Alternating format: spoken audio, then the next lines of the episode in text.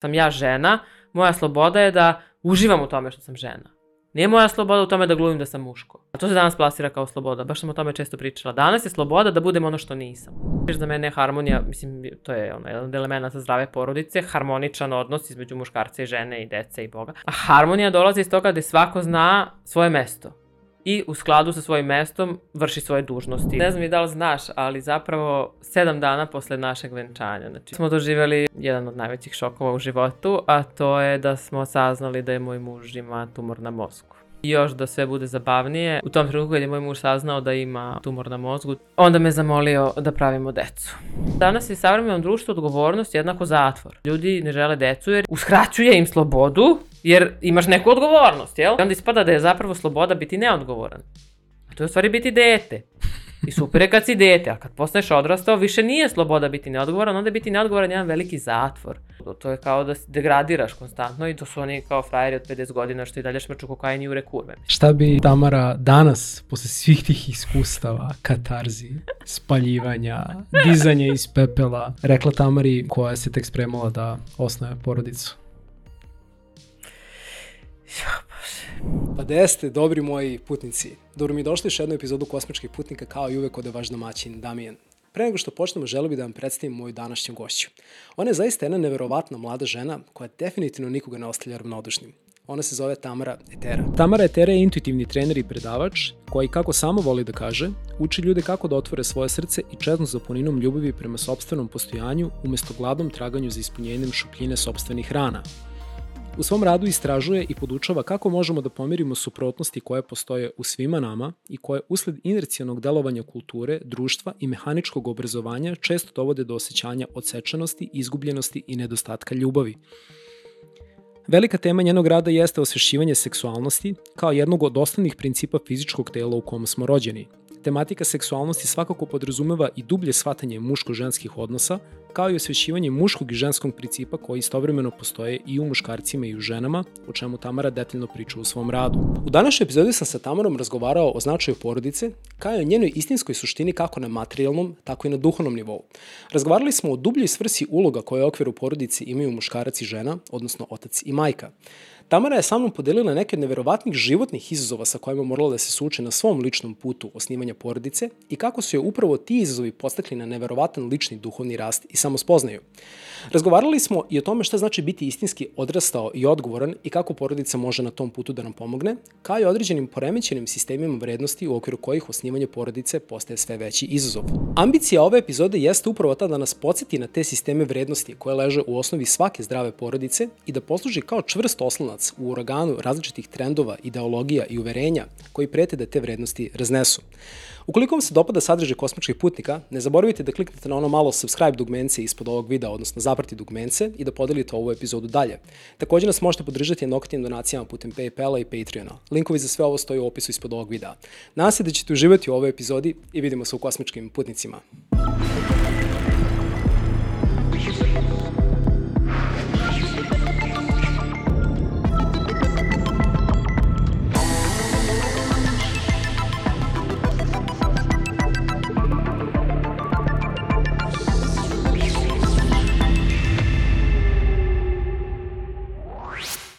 poslednje, poslednje naše druženje kada smo obradili temu seksualnosti je naišlo na poprilično onako lep jedan odjek, meni je mnogo bilo drago zbog toga, e, zato što smo tu temu uspeli onako da prikažemo kroz jedno novo svetlo.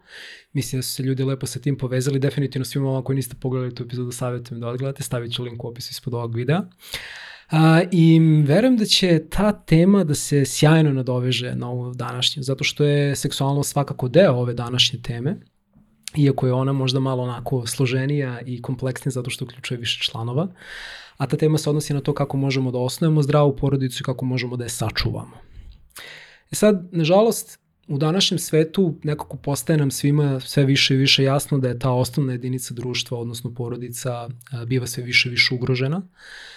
Bilo da je u pitanju od strane različitih ideologija, trendova, agendi, pogrešnih uverenja, to možemo da zovemo tim nekim spoljašnjim razlozima, ali takođe postoji ti neki unutrašnji razlozi u smislu da često muškarac i žena koje odluče da osnaju porodicu nisu baš u najdubljoj vezi sa samim sobom i ne znaju zapravo koje su uloge koje će imati kao budući otac i kao buduća majka. E sad, taj unutrašnji aspekt te problematike i te transformacije, to je nešto što je tebi definitivno dobro poznato. I ti si sa svojim mužem i tekako prošli kroz jednu ozbiljnu transformaciju kada ste odlučili da osnovite porodicu I eto, mislim da to može da bude sjajno polazna tačka u našoj današnjoj razmeni. Znači, volio bih da te pitam, um, u stvari zamolio bih te, da i meni i moju publiku sad povedeš na jedan taj početak tog procesa. Da mi kažeš kako je izgledala neka od tih transformacija, šta je to kroz šta ste prolazili, sa kojim izazovima ste se suočili kada ste odlučili da osnovite porodicu? Uh, da, ovaj, hvala na uvodu, hvala na svemu tome. Ovo, ja ću odmah, odmah da skočim u vatru, što se kaže.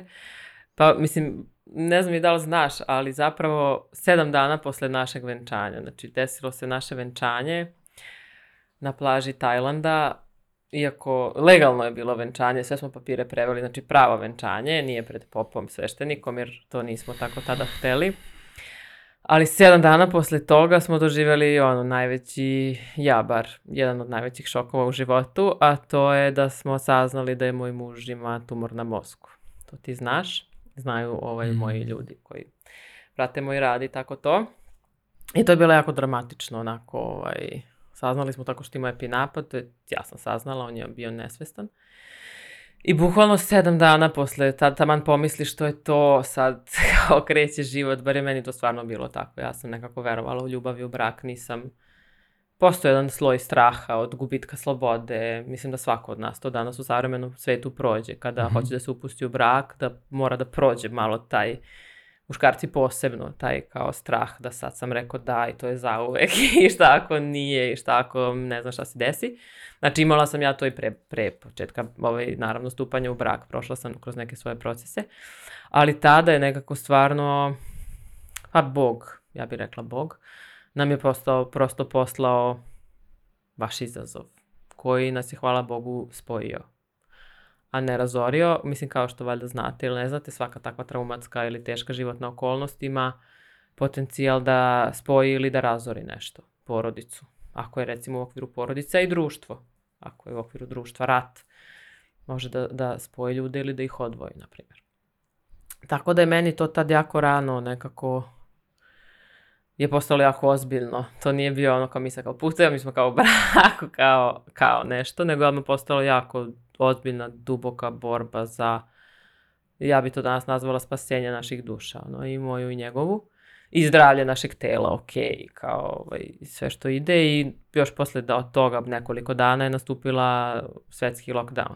To jest, ovde je nastupio kad smo se mi venčali, to je bio 11. mart, a na Tajlandu gde smo mi bili je možda nedelju, dva dana kasnije. Tako da je to bio ono jedan specifičan trenutak u našem životu, a da sve bude još kozmički zanimljivije, ovaj, neki ljudi će umeti da cene, to ja volim da podelim. Ovaj, ja sam kao dete sa četiri i po godine doživela istu, istu nazovi istu scenu. E, moja mama ima lepi napad kad smo bili na moru. Znači, meni se desila ozbiljna retraumatizacija onako univerzumski. To u knjizi od Petera Levi, ovoga Petera Levina, Buđenje tigra, on priča o tome kako trauma ima tu neku magiju e, da se oživljava.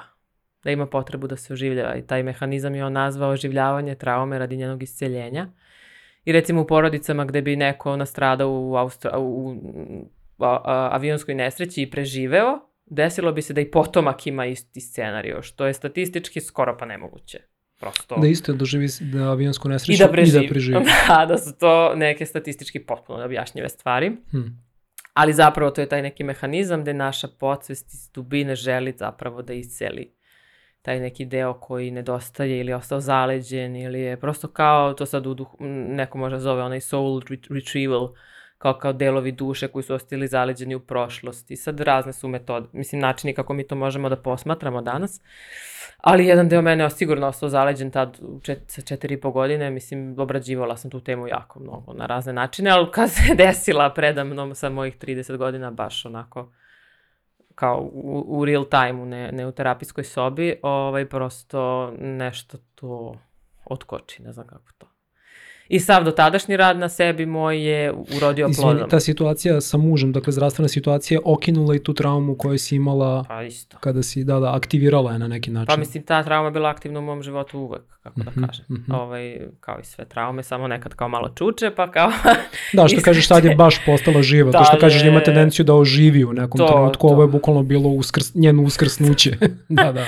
Ali moje, zapravo i moj, mhm. moj soul retrieval ili vraćanje tih komadića, nazovi naše naše duše ili energije koji su zarobljeni ostali u nekoj prošlosti, u nekom bolnom iskustvu.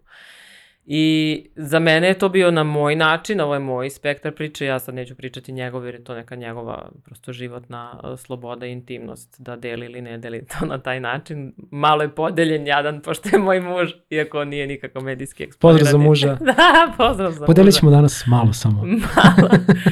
Ovo da. danas je dobro zdravlje, evo danas je, baš danas je mhm. dobio mm no, na nekoj osteopatiji je bio, baš mi je ono, dirljivo evo i ovo da zabeležim, neko ostane zauvek zabeleženo, ovaj, da je bio na nekom pregledu, to je osteopatija neka jako zanimljiva grana, pa i medicine zapravo, ali veoma subtilna, baš radi, ja to ne znam, ali na jako subtilnim, bukvalno kosti, likvor u glavi, ti ljudi osjećaju pulsacije tela, osjećaju, mislim to su doktori, to je ljudi mm -hmm. koji su mhm. njega pregledali, pregledali su doktori koji rade na fakultetu u, u Zagrebu, uh, I rekao mu je taj čovek da nikad nije sreo nikoga koji ima bilo kakvu operaciju glave ili tumor mozga, da ima toliko dobar protok energije u glavi da hoće da ga snime, da, da, da ga pokažu na fakultetu kao fenomen.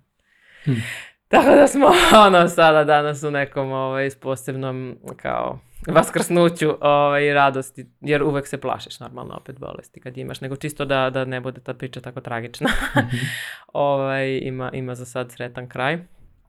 Ali da, to onda se jako rano zapravo bacilo, u mene bar, u ogromnu odgovornost. Mislim, kao i svako mlad, bežala sam od odgovornosti tu i tamo. Trudila se nekako da nekog drugog malo se oslonim ili šta ja znam. Tako, bila sam normalna mlada osoba, ništa sad. A kad se to sve desilo, još mi na nekom drugom kraju sveta, ja sam baš postala neka hiperodgovorna žena. I još da sve bude zabavnije, ili kozmički zanimljivije.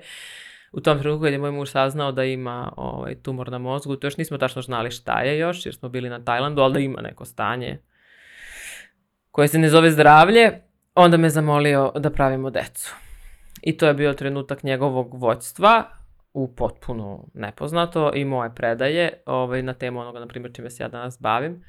I sjećam se da sam ja samo se okrenula Bogu i rekla Bože, ovo je tvoja odluka, ja ne, ne mogu da kažem, jer znam da sam ubila i sebe i njega time, znači želim da kažem da, ali ono molim te moja materice i Bože da, da, da bude za najbolje dobro to. I odmah smo mi zatrudnili tada. Tako da smo mi odmah iz, iz veoma nekih onako dosta, vidiš već kakvih okolnosti, vidite već svi, ovaj, uškočili odmah u to, porodica, dete, nije, kažem, nije bio to taj zabavni brak, mi kao nešto putujemo, nego odmah full on, borimo se za život. E, odmah osnujemo ono, porodicu, dete, neizvesnost, financijska neizvesnost, e, svakakva neizvesnost. I bez ikakve trunke sumnje mogu da kažem da nas je to potpuno, mislim da smo kao transcendirali ogroman bol kroz, kroz to posvećivanje nečem, ljubavi, veri, detetu i jedno drugom naravno, jedno drugom. A kako bi opisala taj odnos pre nego što se desila ta situacija? U smislu zanimljivo je kako nam život nekada servira um, lekcije koje očigledno trebamo da naučimo u nekom određenom, ili da možemo da kažemo Bog nam servira te lekcije. Um, upravo, zanima, zanima me ta dinamika odnosa pre nego što vam se to desilo. Da li ste već osjećali da idete u tom pravcu i ova se samo gurnulo malo još niz tu liticu? Pa ja sam definitivno uvek maštala o predaji i tako tim nekim mm -hmm. stvarima. Uvek sam nekako bila dosta romantična duša u tom smislu. On manje, mislim kao i svaki balkanski muškarac plašio se i porodice i očinstva i roditeljstva i te vrste odgovornosti. Imao, znate, one majice kao slika braka i onda game over. To svi znamo tu, jel? Kao muž i žena se venčali. Pitaću da, pitaću da mi budu sponzori. Ono, da, ovaj podcast, da. Mislim, te majice su kao fora, jel? Tako da je to jedna, mislim, ozbiljna, ovaj, ozbiljna tema zapravo, strah od braka, strah od toga da ti devojka postane žena, onda žena postane majka i da majka zapravo je aseksualno biće umjesto hiperseksualno jer je majka, ono, kako da kažem, ima plod svoje seksualnosti. To su ogromne teme, ono, ogromne duboke teme za našu kolektivnu ličnu podsvest. Tako da nije da smo hrlili u sve to. Ja sam, kako to biva, žen, ja sam, baš to sam kod nas videla, ja sam sve kao ja hoću, ja hoću, ja hoću, ja hoću, onda on kad kaže, onda se ja uplašim. ja sve tako hoću, hoću, hoću dok je se on nečka. Sjećam se i venčanja i onda kad smo krenuli da gledamo gde ćemo da se venčamo, ja se sva stisla. Kako...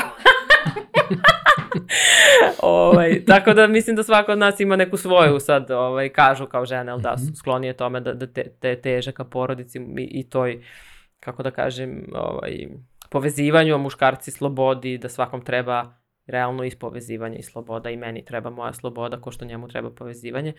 Ali ono, mislim da smo bili na nekom putu da recimo da se nije razboleo da za ko zna nekoliko godina bi možda mu došlo iz dupeta u glavu da bi da pravi decu. Da, znaš, ne bi to išlo tom brzinom.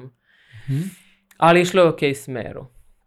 S tim da, da, evo sad baš i ovi citati što smo pisali, neću sa to, ali da čitam, ali To nas je uh, jako ujedinilo, mene i njega, i odvojilo od predaka. Mm. U kom smislu? Pa nekako njima dosta izazova sa svojim precima, da se tako izrazim, ovaj, da ne idemo u neke detalje i tada prosto shvatio da, da mu je oslonac veći u braku s, sa mnom, u braku sa ženom koju on izabrao, nego u mami i tati. Mm -hmm. Na primjer, to je baš bila velika tema. A i ja, S tim da je tada bio jako težak period jer on je bio bolestan i meni je bilo teško njega da se oslonim. Tad sam ja bila oslonac. Što, kako kažem, nije idealno, ali kad ti život servira okolnosti baš i ne ideš s tog nekog kao čime se ja bavim. Ta pol polariteti, kao muškarac rade oslonac i to. A kad dođe neka životna situacija, više se ne pita ko je muško, ko je žensko, nego ko je čovek i ko je sposoban čovek sad da iznese izazov, pa kad prođe izazov, ovaj, složit ćemo mi to, znaš, nije to, tako da, prosto tad sam ja više nosila, evo, bez ikakve sramote, on, je, on se borio za život. Sviđa mi se to, nije važno ko si, nego da li si sposoban. Bez obzira ko si. da. da. da, mislim, nekad neko pogine, mm. nekad neko, mislim, to su razne situacije, ne možemo mi sada da, da toliko, mislim, nema smisla toliko da izvoljevamo, možda znam. Odgovornost je bila jedna od tih lekcija koju si navila. Koje su bile još neke od tih, da kažem, ključnih, životnih, transformativnih lekcija koje si pokupila iz tog perioda života? Pa sam je došla vera kao ovaj reč, poverenje u to nepoznato Boga, šta god. Mislim, ja sam uvek težila, iskreno uvek sam imala neku dozu vere u nepoznato. Uh, mislim da mi je to jedan veliki životni resurs. Imala sam hrabrost da prolazim kroz razne stvari koje nemam pojma odakle mi. Ali to je dosta bilo veliko i zaista je bilo, ja se jesam jako mnogo oslanjala na svoju zajednicu tada. Mislim i bliskih ljudi i prijatelja i moje porodice i kogoda je sestra, tetka, kogoda je hteo da na bilo koji način podrži uh, energetski, finansijski moj učitelj kojeg stalno spominjem, znači ja sam prosto bila na vezi sa tim ljudima, zaista sam tražila puno podrške, nisam uopšte bila ona, sad ću ja to sve kao. Mislim, bilo, jedva sam ja kroz to preživjela, nije to uopšte lak životni period. Ali to, mislim, zapravo nekako mi je to veliko, ne znam kako ide tačno taj citat, ali kao traži i daće ti se. Nešto u tom kontekstu. Ono. Traži i bit će ti dato. To. Da, to. da, da. tako da, ta, tako nekako. Ono, baš je, znaš, i dala, i ja sam davala i vere i, i tako da mi je to bila velika lekcija. I U isto vreme, isto koliko god je ta vera u nemoguće, s druge strane i prihvatanje stvarnosti, znaš, jer mi smo onda, kako tako radimo na sebi, idealizovali kako će on sada se izleči čajevima i, mislim, raznim hiljadama tehnika rada na sebi, ali taj tumor prosto nije bilo nešto što može da se reši bez operacije. Mm -hmm. I onda prihvatiti to, da, prihvatiti i medicinu, prihvatiti ono, da neke stvari moraju nekako, ne idealno, da neke stvari nekad nisu idealne i da to ne znači da me Bog ne voli ili me život ne voli ili Evo prosto, život nije idealan i to je dosta veliko. Meni je, izvini, ovo je jako bitno, da, da, da, izvini ovaj, jer nisam stigla, to, to mi sad me sinula, baš je bitno. Mm -hmm. e, mislim, uopšte meni je bilo to da ja prihvatim da je moj muškarac samo čovek. To je ovaj, bilo dosta teško, jer svaka žena voli da mašta da je njen muškarac e, supermen. I muškarci se uživaju, lepo im je da budu supermeni i onda se nekad slome ili e, se osjećaju malo zatvoreno jer ne mogu da budu i ljudi, jer možda žena zahteva savršenstvo. ja sam verovatno bila takva žena, ne bi me čudilo, pošto sam i od sebe zahtevala savršenstvo, sigurno nisam bila mnogo ovaj, nežnija prema njemu. Uh, I to da shvatim da nije Superman i da je ono, mogu da ga volim i tako, ali da opet mi jako treba da se bori i da, na, ne da, da postanem litav i, i, kako da kažem, da mora da je borac. To, to jeste uvek bio i hvala mu na tome ali prosto taj spektar prihvatanja stvarnosti, nesavršenstva, a bez neke, nekog osjećaja, e, mene sad Bog kažnjava, što je moj muž se razboleo. To je onako... onako velika lekcija zaista jer, jer nekako danas na primjer u tom svetu i rada na sebi mislim nije to nije svet rada ne znam koji je to svet ali savremena ta neka pop Instagram psihologija, ne znam, nije prava psihologija, znaš, ne znam kako to nazovem. Baš ima puno u tom New Age-u, kao sve nešto mora savršeno, ono, čak na ti nekim kursevima na žena ti kuči kakvog ti muškarca moraš da privučeš. Ja kažem, ja sam ga privukla, evo, za malo umro čovek, baš je bio savršen.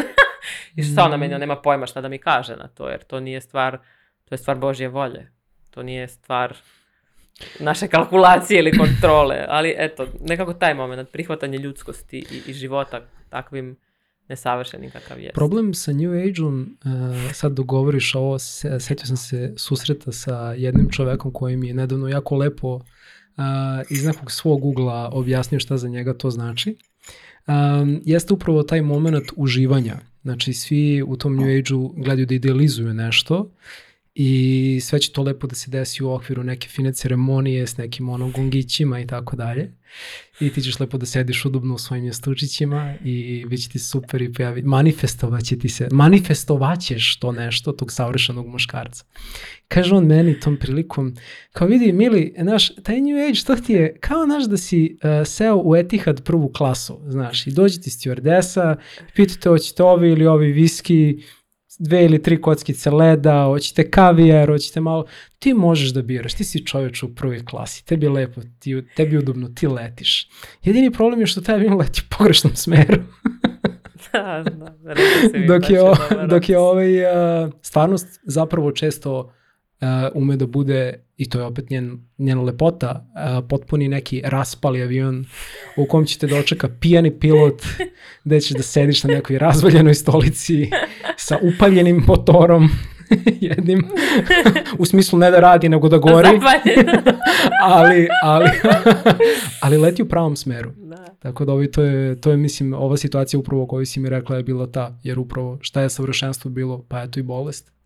I to je Da, to je to. Da, Mi da. se da. dan danas zahvaljujemo tome i on i ja i, i koju je to meni snagu dalo da ja, ja ne bi danas sedela ovde i radila stvari koje radim, da nisam bila bukvalno saterana u ćošak od mhm. života, otprilike, e sad ćeš da daš svetu svoje darove ili ćeš da umreš, otprilike, da ili će muža umre, ili ćete da bankrotirate i da zavisite od vaših roditelja do kraja života. Znači, neki onako kao sa scenarij koji stvarno ne bi sebi mhm. izabrao jer ja sam realno bila neko kao i većina ljudi koja se krije od svoje talente, koji ima... Kako bi pisala te darove o kojima sad pričaš?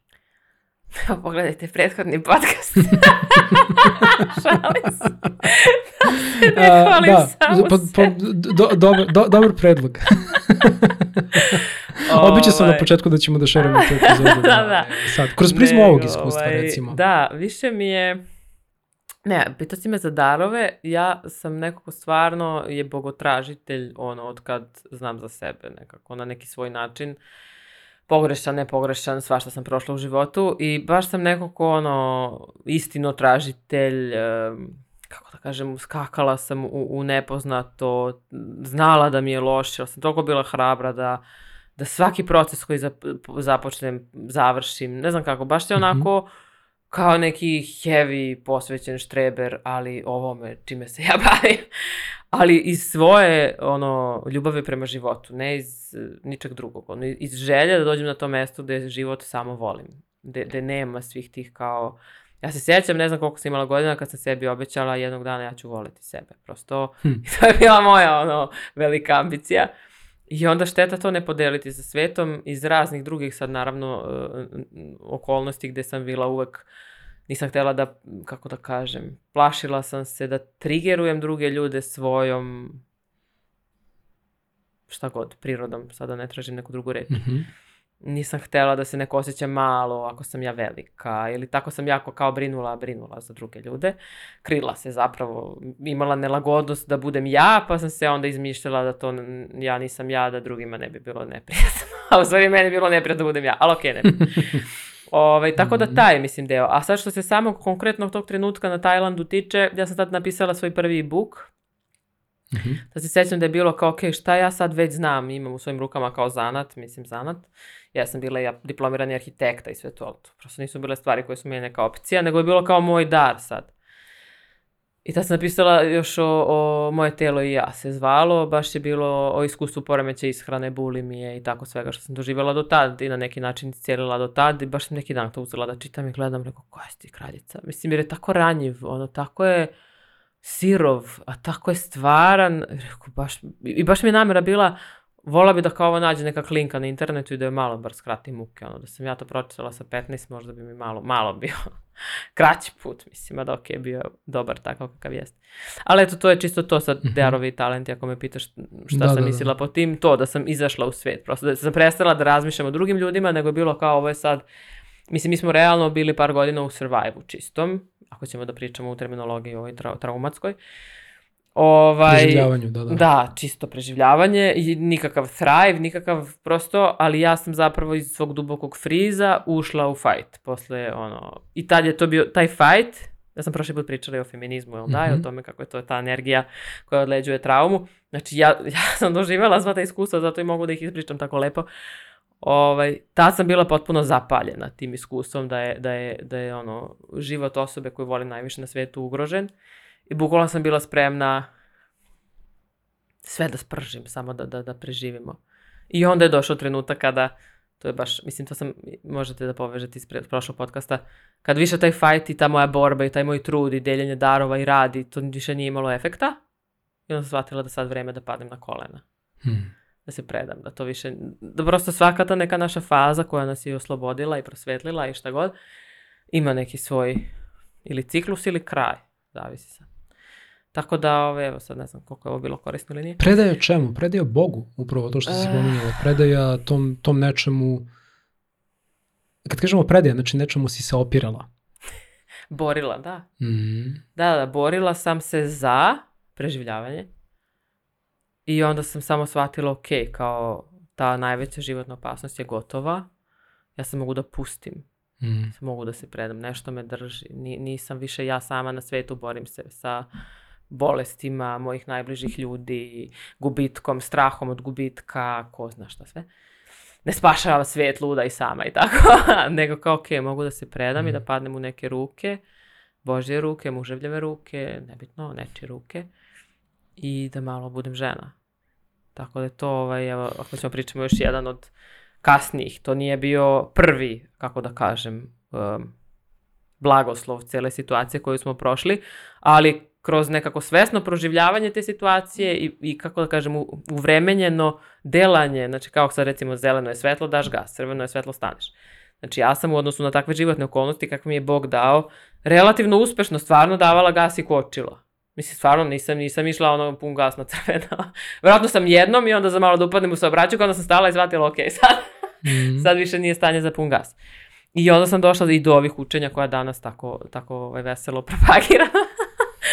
e, prosto o, o tom nekom e, pravom mestu žene, jer to što smo mi prvo živeli, to nije bilo moje pravo mesto žene po onome kako je, nemam pojma, svemir to zamislio.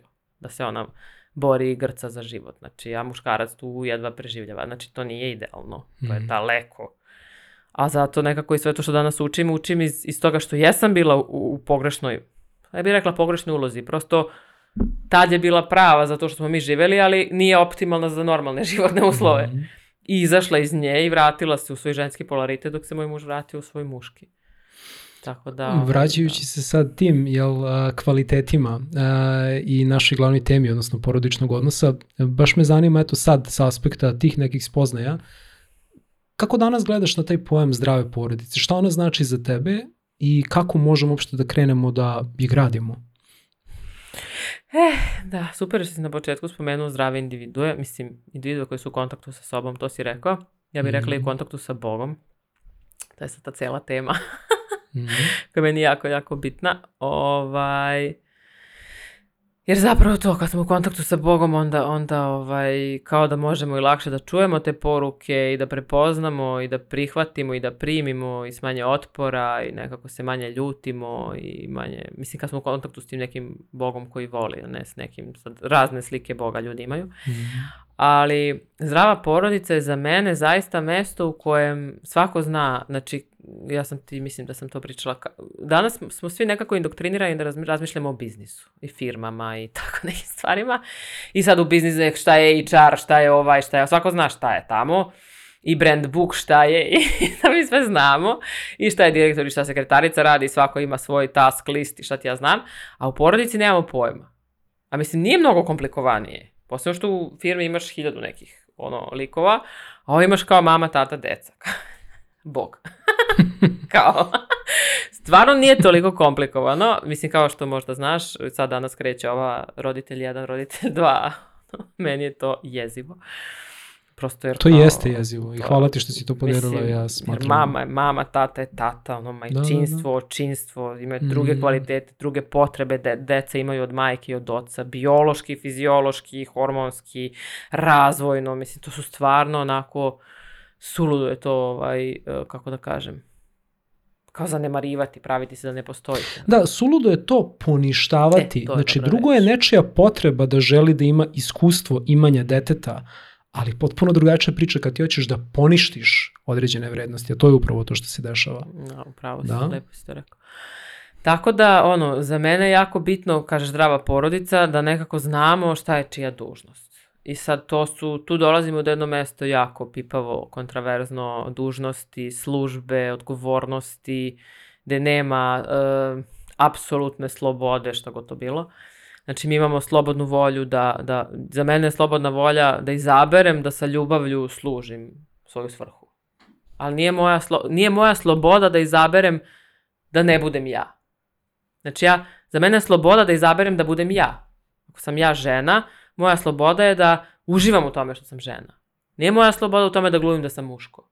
A to se danas plasira kao sloboda. Baš sam o tome često pričala. Danas je sloboda da budem ono što nisam. Da, da, i da se zapravo to glorifikuje. Danas je žena i veće muško nego muško. Znaš, da, da, da. Stra... da, tu da. Matne reklame, filmovi, da, da, da, pesme da. se prave o tome. Ono. Jeste. E, a za mene je sloboda i lepota života zapravo da budem u skladu sa onim što jeste. Baš sam imala nedavno pričala o harmoniji, jer mi harmonija predivna reč, jer za mene je harmonija, mislim, to je ono, jedan od elemenata zdrave porodice, harmoničan odnos između muškarca i žene i dece i Boga. A harmonija dolazi iz toga da svako zna svoje mesto i u skladu sa svojim mestom vrši svoje dužnosti ili ko reče sad nekom ovaj, možda manje trigerujuća od dužnost, meni je dužnost potpuno okej. Okay. Jer ja kao majka imam neke dužnosti prosto to i kao supruga imam neke dužnosti i kao ne znam, o Tamara Etera, osoba na Instagramu koja radi to i to, imam neke dužnosti. Prosto i sad ovde u ovom podcastu imam neke dužnosti, ne mogu sada, ne znam, se skinem gola i ne znam šta da radim, razumeš, to je, to ne bi bila sloboda, to bi bila glupost, to bi bila mhm. neodgovornost, to bi bilo ono, nedolično ponašanje. Danas je to kao, ne znam šta je to. Dan, danas to ima dobar reach, što mi rekao. da se izrazim Instagram terminologije. a, e, kako si rekao, algoritamski. to, to, to, algoritamski. Jo, bože, e, da. Pa dobro, mhm. da, to smo, da sam, pri, ne znam, da sam pričala s tobom, ali mm. to mhm. kao zapravo, samo da je sens, senzacija neka, samo da je neka drama. Samo. Jeste. E, u porodici, u suštini sad, tu, tu je ta kontraverzna tema da sad kao muškarčeve dužnosti ženine. Ja sam stvarno, sami ste ono kao svi čuli, videli da sam ja, evo ja sam jedan sad kako smo moj muž i ja u braku, ja većinski izdržavam našu porodicu jer on čovek se borio za svoje zdravlje. Sad on to preuzima nazad kada je ozdravio. Znači, ja nisam neko ko će da kaže žena ne sme da zarađuje više od muža, mislim tako neke. ne znam, meni, kad se neko zakuca tako neke stvari, dosta mi je bizarno. A s druge strane, ja sam neko ko da kaže, ja ne želim da nosim egzistenciju svoje porodice na našim leđima. Mm -hmm. Ja mogu da zarađujem koliko hoću, ali hoću on da je nosi na svojim leđima, da bi ja mogla da budem srećna trudnica. Hmm. Da ja kao trudnica ne bi se budila noću i razmišljala da li imam za račun neki. Znači, to fiziološki nije dobro za mene da se bavim tim temama. Ako moram, ako je životna okolnost, ako je, mislim, živimo stvarno u teško doba, ok, normalno ću da uskočim i neću da mrzim Boga zbog toga, ali ću dati sve od sebe da ja uđem u svoj ženski polaritet, da ja uđem u svoju žensku moć, da ja naučim da osnažim svog muškarca, da ga volim, poštujem, da mu dam snagu, da volim njegov uspeh, da se ne plašim njegovog uspeha, da ne mislim da ako postane uspešan on će da me ostavi ili nađe ne znam sa šta, nego da zapravo ja njega gradim i da znam da je to radim i zbog sebe, naravno, mislim, i zbog porodice, i zbog harmonije, i zbog toga da deca krasnije imaju mamu koja je opuštena i koju lepo ide mleko umesto da koči jer je pod stresom. Mislim, to je sve ono, toliko povezano. I sad to, znati svoje mesto. Sad, ja opet kažem, ljudi mogu da se dogovore šta god hoće. A mi ovdje dolazimo do onih pipavih tema gde postoje tako neki stari spisi. u kojima postoje neka kao univerzalna znanja koja govore o tome kako je op, koja je optimalna postavka. Daleko od toga da ćemo mi svi živjeti svaki dan optimalne postavke. To je ono, nemoguće. Ali možemo da im težimo. mm Možemo da im težimo. Tako da, eto, da je žena žena, da je muškarac muškarac, da je dete dete. ukratko. Kako bi još malo ušla znači, u taj, eto, još u taj fenomen znači, eto, uloge majke? Šta za tebe, znači, ako bi sad baš navela te neke karakteristike uloge majke, koje bi bile te uloge i koje bi bile uloge recimo za oca danas, s obzirom da eto, imaš um, muža s kojim imaš dete? Da. Pa ja, na primjer, kao svoju ulogu baš vidim držanje, um, na engleskom to kažu, the man sets the terms, the woman sets the tone. Znači, muškarac pravi okvire, i uslove, a žena atmosferu. I sad moje je da držim emotivnu atmosferu u kući na nivou. To nije lak zadatak. Ako je žena iscrpljena, premorena, previše radi i ima, ne znam, muža koji je potpuno nezainteresovan za bilo šta ili ni na koji način je ne, ne olakšava život, to je jako teško. Danas su žene onda uvređene kad kažemo, na primjer, da je to njihova dužnost, jer zaista nemaju osnovne stvari iz kojeg bi one to dobro uradile. A sad muškarac, ako treba napravi neke okvire, na primjer, danas imamo muškarce koji se plaše da ženi kažu ne, ili da kažu nemamo za to, ili van našeg budžeta ili nećemo danas to da radimo jer se ne uklapa sa tim i tim, jer se plaše ženske emotivne reakcije. Znači, to nije muškarac, na primjer. Znači, Muškarac mora da bude sposoban da kaže svojoj ženi i majci ne ako recimo ima neku potrebu koja nije baš savršena. Ili je savršena, ali on ne može odmah da je ispuni. Recimo financijsku potrebu ili nešto. Ali može da joj pruži nešto što može da joj pruži. Znači to nije njegova tiranija ili ne dam ti jer neću da ti dam, nego možda stvarno sad nije objektivno vreme za tako nešto. Na primer, čisto da dajem, znači muškarac mora da ima određenu dozu čvrstine, ali i saosećajnosti, znači ne smemo da odu neku krajnost. Isto tako otac mora deci da postavlja granice. Mi ne smemo da se plašimo, vidjet ćete, mislim, da roditelji često ne postavljaju deci granice jer se plaše one emotivne reakcije. Ne kažeš ne, jer se plašiš tantruma ili plakanja posle toga. Onda kao sve može. Isto to rade i sa ženama. I sad, tu nema muškosti. Dakle, muškost mora da postavi okvire, da postavi uslove. Ovo je ovde dozvoljeno, ovo ovde nije dozvoljeno. Naprimjer, ne, nije dozvoljeno laganje, nije dozvoljeno vrištanje za stolom. Lupam, nije bitno, mislim, kod mene jeste, ali šta god da je, neko treba da postavi te granice da kaže, ili majci, nije dozvoljeno da vrištiš na dete. Znači, meni kad je moj muž to postavio kao granicu, ja sam se mnogo bolje vladala nego dok mi nije postavio kao granicu. Prosto, Znači, ne zato što sam loša osoba, nego zato što tako funkcionišemo kao ljudi. A si doživjela najpre kao neki otpor? Ti ćeš meni da kažeš da... Ne, ja da sam neko koji jedva čeka. Ja sam... ja. konkretno. Da, da, da, da. Bukvalno me loži to, ono, kao konačno granica, jer ja, moj tata nikad nije imao granice, nikakve za mene, bukvalno, niti za majku, niti bilo šta. I onda je to nešto meni jako nedostaje u životu i ceo život sam bila neko ko probija granice i ono, samo sam gledala da vidim koliko neko, dokle su nečije granice. I onda kad mi neko postaje granicu, ja se bukvalno ostim kao, U, sad mogu da se opustim, ok, sad do ovde idem i to je. I čak sam to, mislim, ne znam da sam ovde, ali to ženama na programu nekad pričam. Ja bukvalno kad uđem u neku svoje emotivno ludilo, nekad mi samo treba da me on jako stegne, ovako, ili da legne na mene, da ja bukvalno ostim kao, postoji granica ovom ludilu. Znači, kako kažem, to je jedno žensko iskustvo. Mm-hmm. Pošto moment osjećaš kao da je sve samo jedno veliko ludilo, Za uvek i oduvek haos ono našeg tog postojanja. Dok muškarac je taj koji treba toga da se ne plaši i da postavi granicu. I tako postavlja primer opet detetu kako on drži, kako na engleskom kažu contain, ali znači kao drži okvire doma i čini ga bezbednim, jer ne dozvoljava agresivno ponašanje. Ni prema sebi, ni prema detetu, a ni prema sama, majka sama prema sebi. Znači, na primer, mhm. ovaj, kaže, stalno mog vanju citiram, ups, mogu učitelja, pošto hoće da bude anoniman.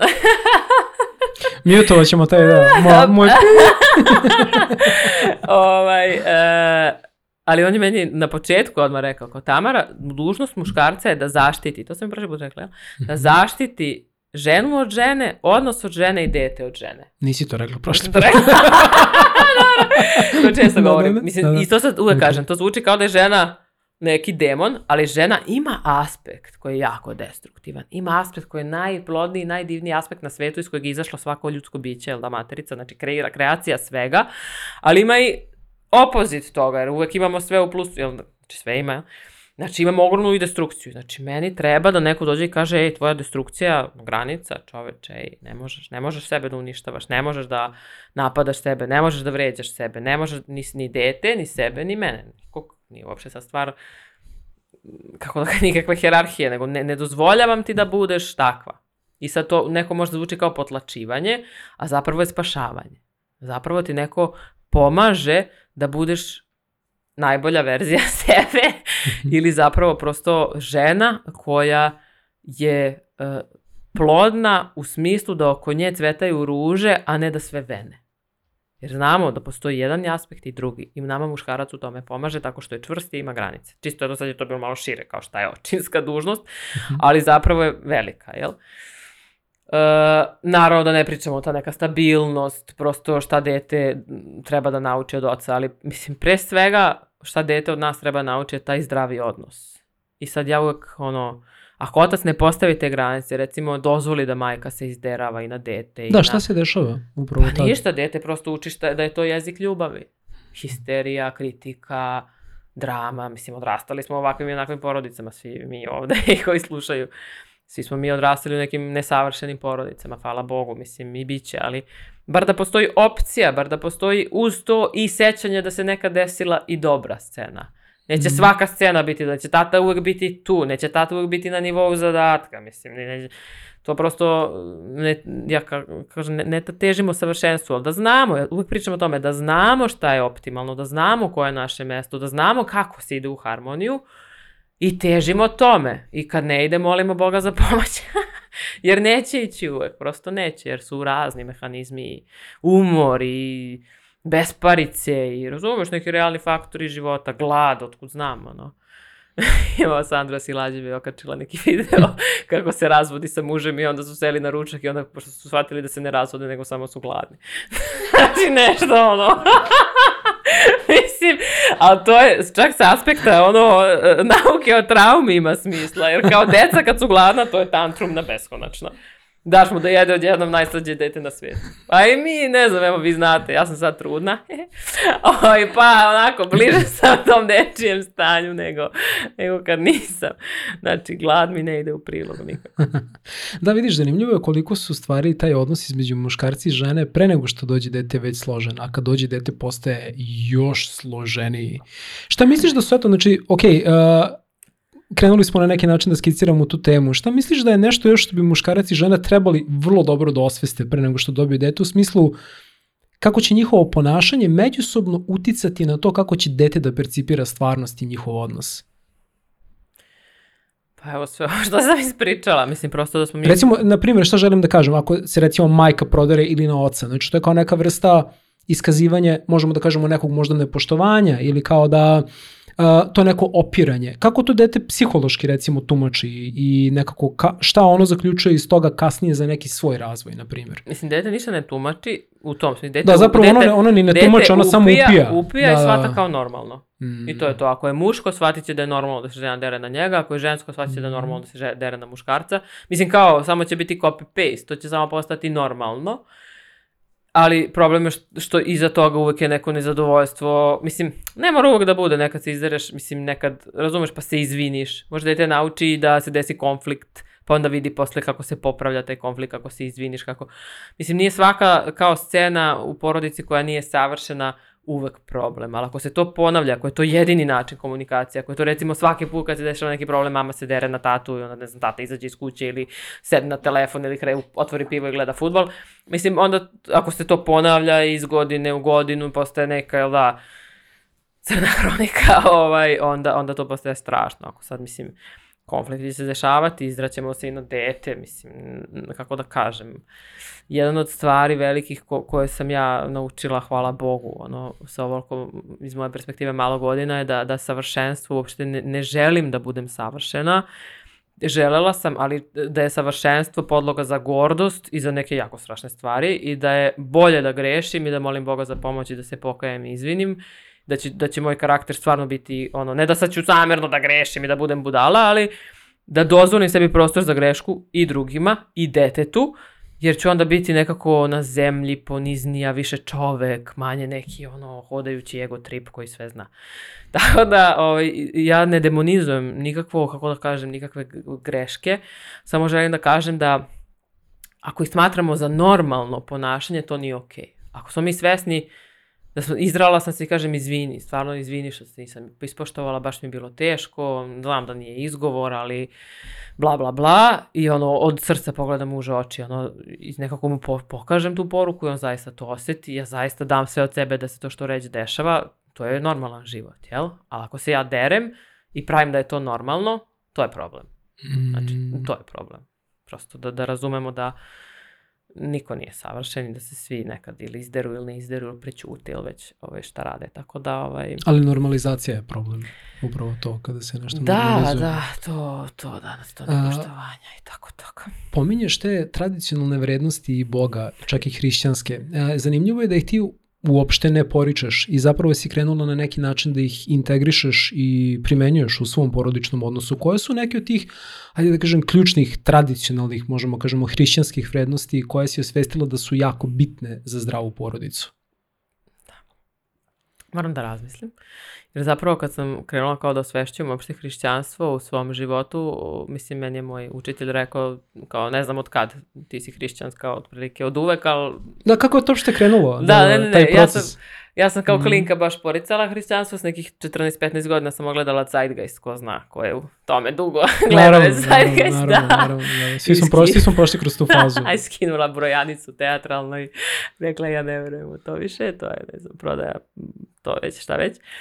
I onda sam nekako išla svoj put, budizam, ovaj, budizam je zapravo bio ono što je super, što sam ja stvarno težila tim nekim drevnim religijama i znanjima. Baš sam se zapravo jako malo bavila New Age-om baš sam puno čitala te ovaj, budističke lame razne i te rimpoče na engleskom i bila tamo i meditirala i tripovala i uživala i stvarno svašta, svašta naučila. Gde si bila? Gde, gde u Indiji, bila sam aha, u Bodgaji, tamo aha. gde je mesto budinog prosvetljenja, kod Mahabodhi, u Mahabodhi hramu. Uh mhm. -huh. Bila sam u Varanasiju, gde je bila njegova prva propoved u Sarnatu ovaj, to od budističkih mesta, bila sam na Gangi, na Rišikešu, Daramsali sam bila tamo isto, Dalai Lama, Ble, Ble, Umbe Cloud Ganji, tamo, mislim baš sam obišla ta, to je bilo neko moje hodočašće, bila sam i na Runačali, to je hinduističko sveto mm-hmm. mesto, mislim baš sam obilazila tamo ta sveta mesta, to mi je da, bilo... Da, tamo se Ramanu Maharishi prosvete, da, Runačali, da, da, da, da, baš, da, Mislim, mm-hmm. super je to sve.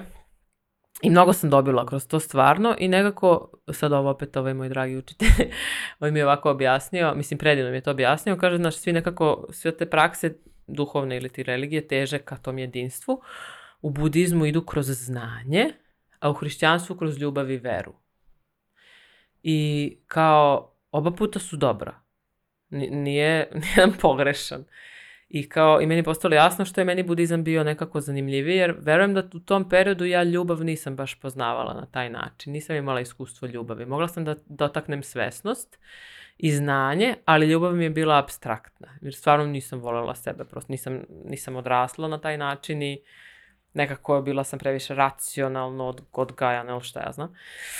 I onda mi je taj pristup nekako osvješćivanja, poimanja, nekako mi je bio, da kažem, bliži, ali opet izuzetno paradoksalan, jer ima u tih divnih učitelja u budizmu koji Mislim, predivni su, kao, ako, ako baš želiš da do, dostigneš prosvetljenje, prvo moraš da odustaneš od toga da ćeš ga ikad dostići. Kao. Mislim, prosto, to, su, to je duhovnost, jel da, uvek je na neki način paradoksalno. Uh, ali, ono, taj sad ž, moj život u, u, tom smislu traganja za sobom ko hemičar tamo negde jako daleko od sebe mm. ima svoje plodove, ali kad sam zaista se nekako povezala sa ovim i to kao je za mene pravoslavni hrišćanstvo, mada pratim, kod nas to baš nije toliko na neki način popularno, ima puno nekih Amerikanaca koje pratim koji su ono katolici, hardkor što je meni totalno svejedno, jer ja mislim nekako gledam te poruke između. Stvarno, mm -hmm neko sam ko traži te poruke istine i ljubavi između svega. Nisam neko ko je kao, sad ću ja da se hvatam za reči i dogme.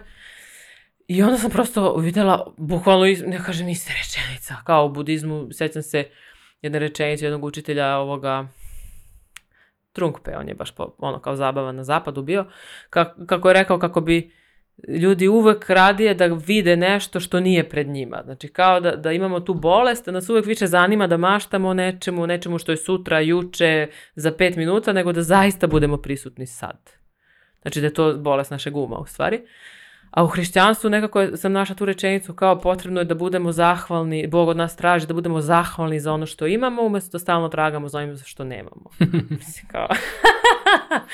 Samo su malo, znaš, ovde više svesnost i neka objektivnost, a ovo je neka srčana zahvalnost i ljubav i milost. Ali pričaju bukvalno isto. Ali, da.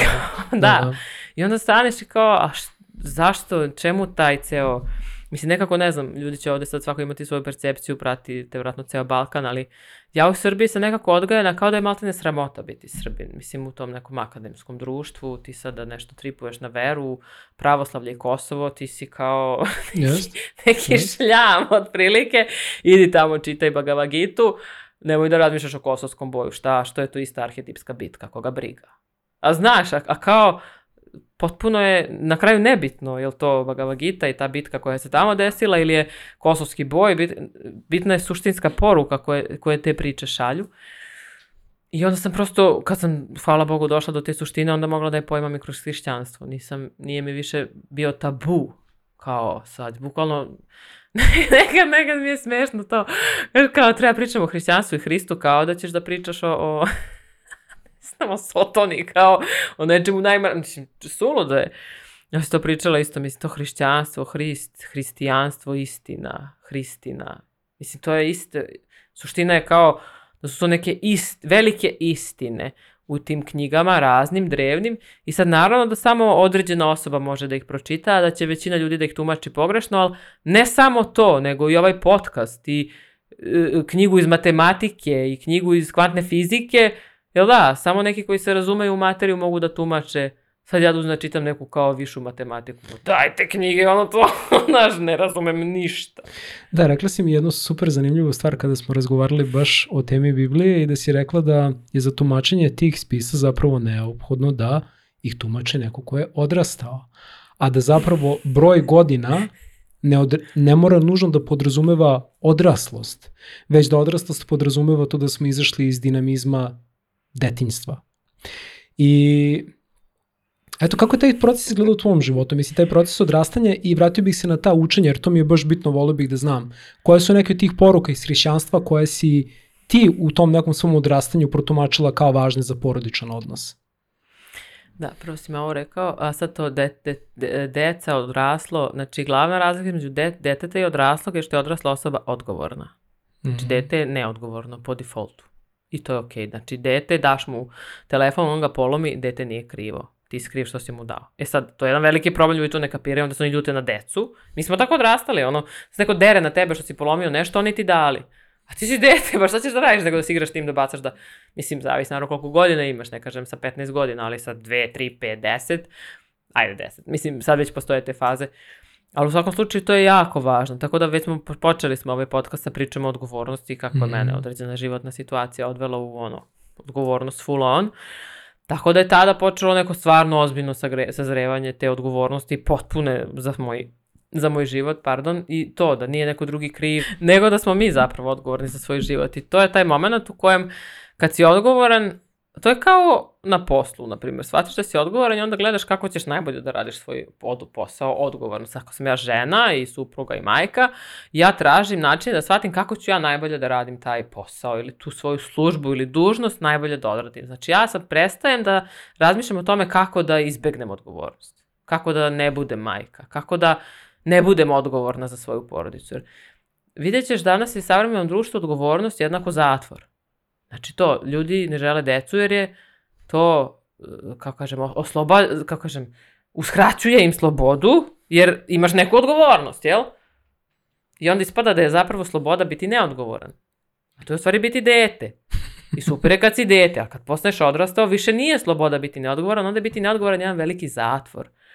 Jer to prosto nije u skladu s svojom prirodom, to je prosto suludo, to je kao da degradiraš konstantno i da, da sebi, to su oni kao frajeri od 50 godina što i dalje šmeču kokain i ure kurve, mislim, tako to je naj, ono, degradirajuće ponašanje koje možda zamisliš, mislim, prosto, ili sad, strašno je, izgovorit ću i ovo, ali strašno je i ne znam da će da me spale ljudi na internetu sad, ali to je isto i kao te žene koje su pobegle od svih odgovornosti i samo imaju mačke. znači, a te žene su nam slatke, a ovi likovi su nam odvratni, to, toxic masculine. A hajde da pogledamo obe strane.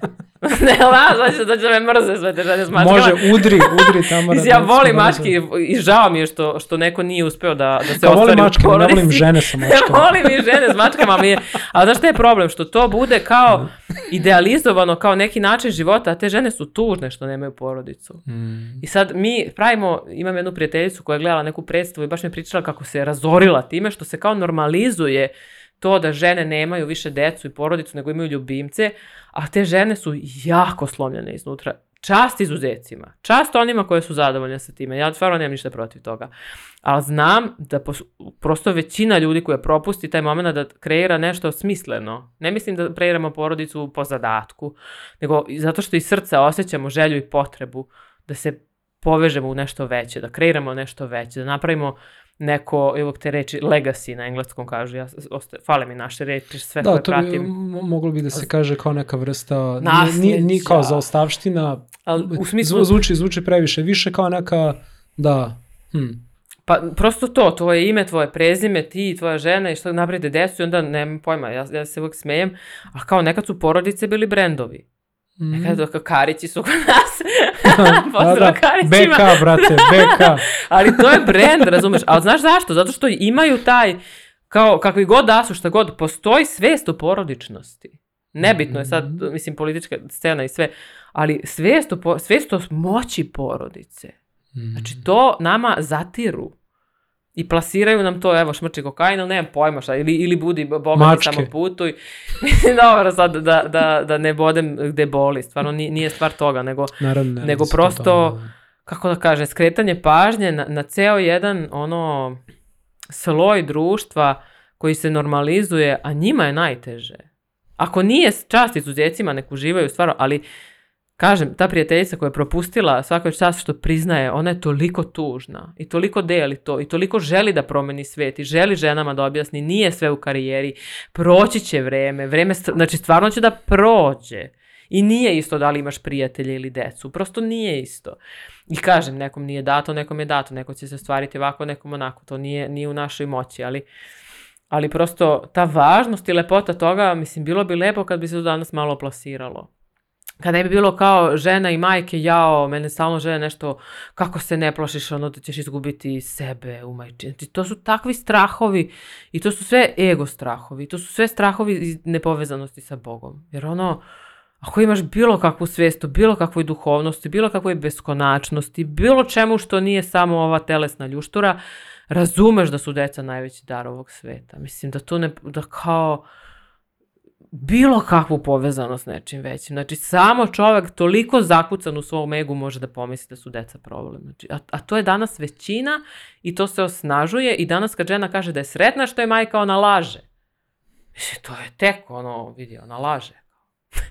Nekad ti je i teško, pa dobro, nekad mi je teško što sam živa, ono, ne nema, ni da imam dete, ni mačku, mm. ono, bit će mi teško nekad, ono, ali ne zbog deteta, ono, znači ja gledam svoje dete, ja, ja ne mogu da verujem koliko je to slatko, ja bukval, naravno kad vrišti nije, ali, ali ima tih, te, gledam, reku, bože, jel, jel ovo neko, kako je ovo, to kao, i onda pomisli kao je da to porašće, kao, mm.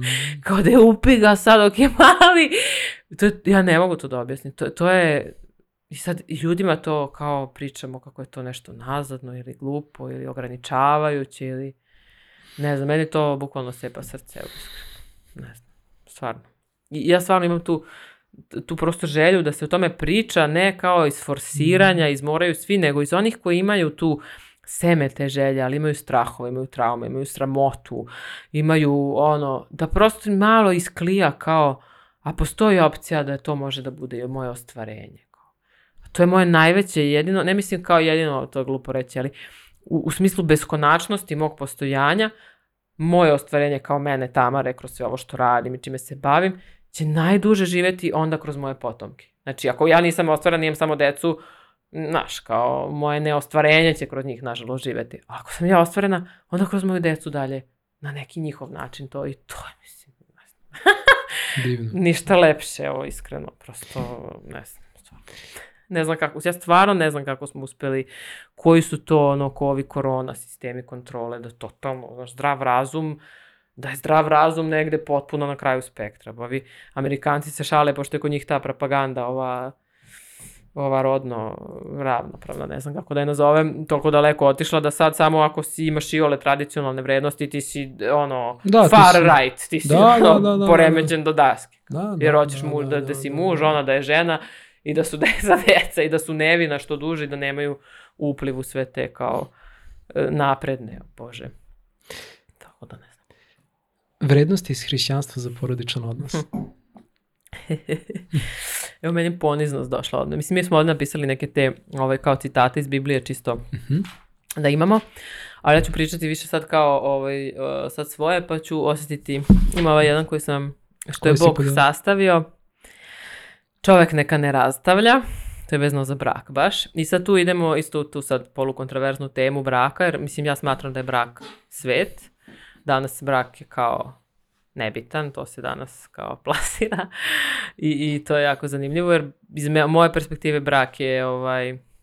danas kao neka prepreka, što ti znači, da kao gledaju kao naš neko ono obaveza. Znaš. Da, da, da, kao neki papir. Mm ovaj, za mene je brak onako stvarno sveti savez između muškarca i žene. Naravno da nije svaki brak to, naravno da ima brakova za pare političkih, znači, ali iz moje perspektive kad pričamo o ovome čemu mi ovde danas pričamo, o duhovnosti i tim nekim dubljim vrednostima, znači brak, bukvalno moment u kojem su muškarac i žena rekli mi smo jedno i od sad idemo zajedno i ono, bodrimo se i u dobru i u zlu, mislim, to su tako moćne stvari. Uh, da, da ne znam, do te mere da ono, znači sa praktičnog nekog aspekta to je tako ludo da sam videla da žene, muškarci koji su u braku ili u stabilnoj vezi pre će uspeti da izađu iz ovog kapitalističkog točka rada, recimo ako rada u firmi, jer ima na koga da se osloni. Mm. Znaš li koliko je to praktično zapravo, ja sad i duhovno je, jer je stvar zdravlja. Ljudi neki ostanu na poslu, a bolesni, Jer ne mogu financijski da prežive da daju otkaz par meseci da razviju nešto svoje. A bolesni i onda idu na razne loše terapije jer nemaju para za alternativne. Razumeš, znači ti sad zdravlje i neka sloboda života je ugrožena time što smo toliko individualni i što nećemo da se povežemo i da zajedno jedni drugi pomognemo. Mislim, toliko znam opet barova koji su uspeli na primjer, prvo je on izdržavao dok se ona sastavljala, pa je onda ona izdržavala dok se on sastavljao i sastavili se i sad su super. Razumijem, nekako, to su neke tako praktične stvari u kojima mi ono, ne znam kako, mislim naravno ne treba neko sad stupa u brak zbog ovoga što sam ja ispričala, ali čisto potencijali toga kada smo u paru su beskrajno veći. Uh, što se mene tiče u hrišćanskih tih vrednosti, Uh, mislim, iskrenost, hrišćanstvo, istina, iskrenost, to je, mislim, meni beskreno važno. Uh, poniznost mi je beskreno važna, oba partnera. Jer danas... Šta za tebe znači poniznost? Ja da, smo, nismo to pričali. Poniznost je kada uh, nije tvoj ego najbitniji. Znači, kada možeš da staviš ego po strani zarad nečeg većeg, jer je porodica nešto veće. Sad ego možda bude svašta, ali neke moje hirovite potrebe od toga do mojih trauma, do tog ranjenog ega koji je u fazonu ja jadna i napaćena, a onda pati cela porodica jer ja neću da shvatim da možda imam blagoslov da me neko voli, nesavršen takav kakav jeste, ali tu je za mene. I to je, ego isto ima to stalno hoće još, ništa nije dovoljno, znaš šta, neka skromnost, ali neka ne ona usiljena, nego neka zdrava skromnost, zahvalnost za to što imaš. To su hrišćanske vrednosti.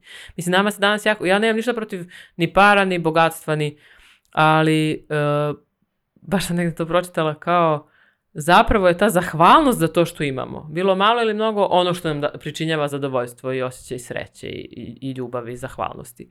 Znači možda bude malo, možda bude mnogo. Ako imam mnogo i imam veliku zahvalnost za to, to je super. A ako imam mnogo i nemam zahvalnost za to, neću biti sretan. Hmm. Jel da? Znači više je stvar u zahvalnosti nego što je u tome šta ja imam. Samim tim i sa partnerom i sa detetom, što kao imam možda jedno dete, a kao hteo bi još. Ali dobro, ja recimo sad sam trudna, ali dok par meseci smo kao pravili dete, i tako uđeš u taj film kao ja, kao sad hoću još, pa si kao nesrećan što nisi još zatrudnila ženama, to je potpuno normalno, što svaki put kad dođe menstruacija ti padaš u mini depresiju i tako. I onda pogledam svoje dete i kažem, pa dobro i samo njega da imam, mogu da budem zahvalna i koliko je predivan. Znaš kako ti to otvori telo, ono, i kako ti otvori i um i duh i sve, nekako se opustiš, ono, umesto da samo trčiš u tom čak i to, kao juriš hrišćanske vrednosti, kao đuviše dece, kao mislim, uvek možeš da upadneš u taj točak, razumeš, nije bitno da, uopšte. Da, da, bitno je biti svestan u svemu tome. Da, da, da, da, to je super. E da, ovo smo prvo zapisali, što mi je super. E, čovek će ostaviti oca svoga i majku svoju da prione u za ženu svoju i bit će njih dvoje jedno telo. To mi je predivno, jer baš u puno tih knjiga koje sam čitala je jako bitno da i muškarac i žena ostave svoje roditelje po strani, po znacima navoda i da jedni drugi, drugom post, jedno drugom postanu najvažniji. to mi je, na primjer, prelepa vrednost braka. Mislim, hrišćanska vrednost je isto monogamija, jako važna vrednost za brak, recimo. I tu su te vrednosti koje sam prošli put pričala, nisam ih zvala hrišćanske, ali poštovanje za muškarca, to je jako važno, i za poštovanje za mušku ulogu.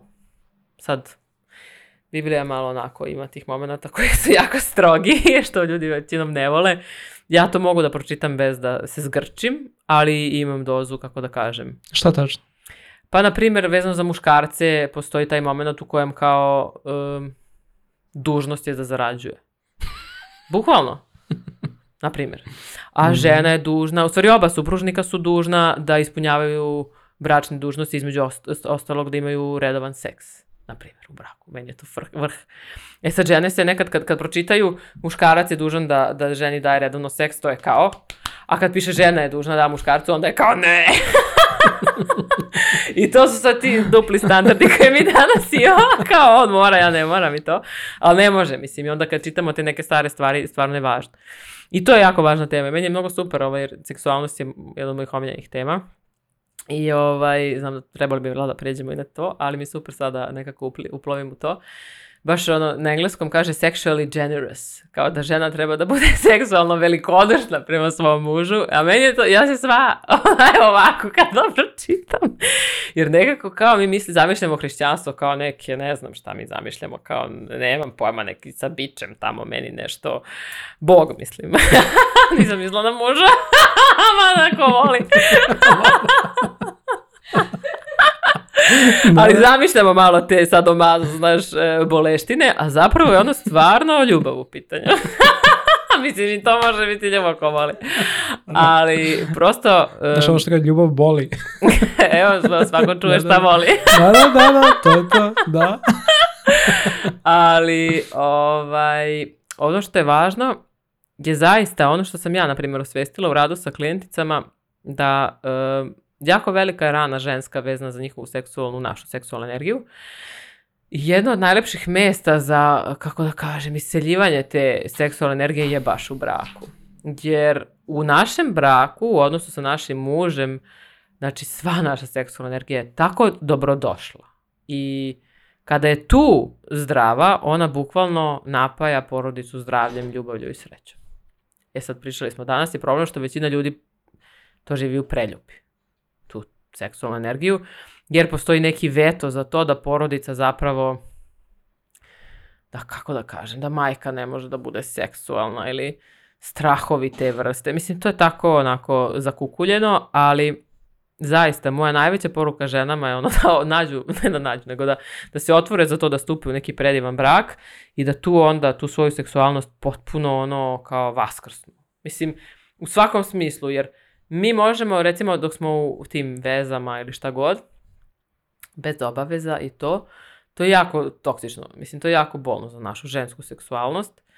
Jer je za, žen, za ženu jako važno da kad je neko otvori seksualno, da bude tu za nju kasnije. Ali zaista tu. I to, to je jest između ostalog taj, pričala sam contain, containment, znači da muškarac, pošto to je zaista duhovno iskustvo, znači i bilo kakvo stapanje u seksualni odnos, mi ne stapamo se samo fizički, nego i duhovno. Sva podsvest, sva uverenja, sve što on misli o ženama, sve što ti misliš o muškarcima, sve to vi preuzmete jedno drugom. I to žena više, pošto je prosto takva priroda našeg tela. I mi moramo da shvatimo koliko je velika odgovornost. Sad ne kažem budite nevine i šta ja znam ono sad, ali zaista smatram da, da je nevinost je jedan kvalitet koji je potpuno izgubio na vrednosti. Znači da je danas nevinost sramota i da, i sad ne mislim fizička, kao ono nema himeni, to ima himeni to, nego uopšte taj čednost, taj moment da je žena lojalna, da je čista, da je povezana s Bogom, da je kako kažem, to neko uzvišeno biće koje vibrira ljubavlju, dobrotom i čistotom To danas, ne posto, mislim, neću reći ne postoji, evo postoji, sedim tu i, i težim tome i znam da ima još žena koje to rade, ali danas je apsolutna propaganda arhetipa uh, prostitutke prosto. Mislim, bez, bez sad neke... Da, veličanje promiskuiteta, upravo to. Promiskuiteta, ali mm. i mhm. kao da se žene ne osjećaju kao žene ako nisu hiperseksualizovane. I to na neki način koji potpuno isključuje suštinu njihove seksualnosti hmm. i sve svodi na, pa da li je to performans ili ne znam koju bih reč iskoristila, ali je jako, jako zapravo loše za sve nas.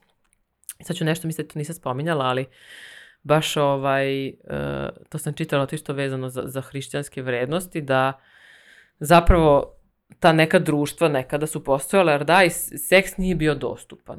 Nije bio lako dostupan. Postojalo je ono, bordeli, kuplerajde, možeš da odeš, jel? Ali seks sa ženom koja bi bila žena ili majka tvom detetu nije bio nešto što možeš da dobiješ lako. Uglavnom sa njenim ocem moraš da se dogovoriš, jel? Da je oženiš i tek onda. I tu su žene držale kapije nekako te žene koje bi bile majke. Bile su i ove druge žene, prosto postojale smo razne. I jeste bio određen rastep i u psihi, jel da, odvojenost tog seksualnosti i maje, ja znam. Ali važno je da shvatimo da, da zapravo muškarac koji ne mora da se potrudi za seks, neće se podruditi. Znači, to, to je Samo lepota njegovog karaktera i njegova duhovna posvećenost njegovom razvoju, što ima muškaraca, ali mislim koji na, mislim, nisu većina, jel? Toliko posvećeni svemu tome. A i nekad je ta ženska držanje granice toga zapravo motivisalo muškarce da zarađuju, da mogu da zarade, da imaju porodicu, jer tek onda će imati ženu, tek onda će imati seks. što mu je jako bitno da ima i stvarno mu je bitno fiziološki, energetski, duhovno. Mm. Razvijamo se kroz to. Danas je to, nas, danas je to svuda i to, evo ja, pričali smo kao, evo možemo samo da pogledamo šta se dešava na svetu. Da li je bolje? Sad ja ne kažem ni da je ovo bolje, da nije nigde i da smo svi nešto skvrčeni i da se ko zna šta, ali sad gledamo ovu drugu krajnost da je seks svuda i kao totalno je šta god, kao. I ne vidim da je na svetu bolje uopšte. Zato što nema svesti, nema poštovanja, nema poštovanja za ženu.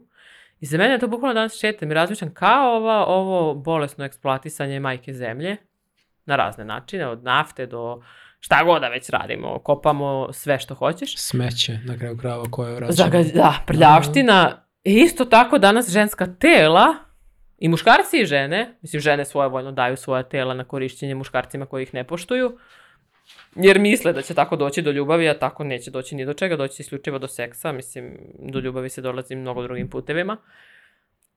I onda se pitamo šta ne valja. Znači, što muškarci su takvi nemotivisani ili što neće da se javi.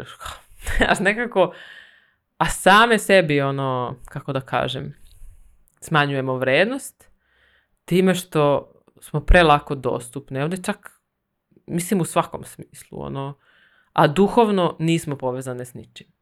I onda te žene redke, ima ih hvala Bogu, koje jesu duhovno nekako povezane, muškarci to prepoznaju I onda te, na primjer, znaju da cene. Ali to opet ne ide u korist, da kažem, kolektivu. Jer ja sam nekako, nije kao, ajde, kako elita sada se spasi. Duhovna elita ili svesna elita. Ne, bitno sad, ne mislim bogata elita, nego kako ovaj mali broj ljudi koji nešto radi na sebi i misli da se spasi. Mislim, mi ćemo se spasiti. Kao, evo, našli smo Boga i spašeni smo. Nemaš, ne dalje da ideš, sad i da umreš. Do... Mislim, ja sad i da umrem, evo, dobro mi je.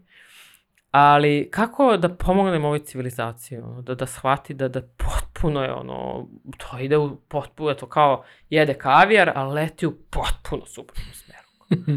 potpuno, znači ne. Eto, to su neke teme Ali eto, uvek lepo poći od sebe, recimo, na primjer, sećam se baš kad smo, kad smo pričali, lepo poći od, sebe i kroz proces koji si sam prošao i možda kroz to možda, mogu da se nađu raznorazni odgovori, recimo, ti, meni je bilo mnogo zanimljivo kad si mi ti rekla Pazi, kroz prizmu svega ovog sad o čemu mi pričaš, o važnosti povezivanja s Bogom, da si zapravo na trenutku mislila da te Bog mrzi.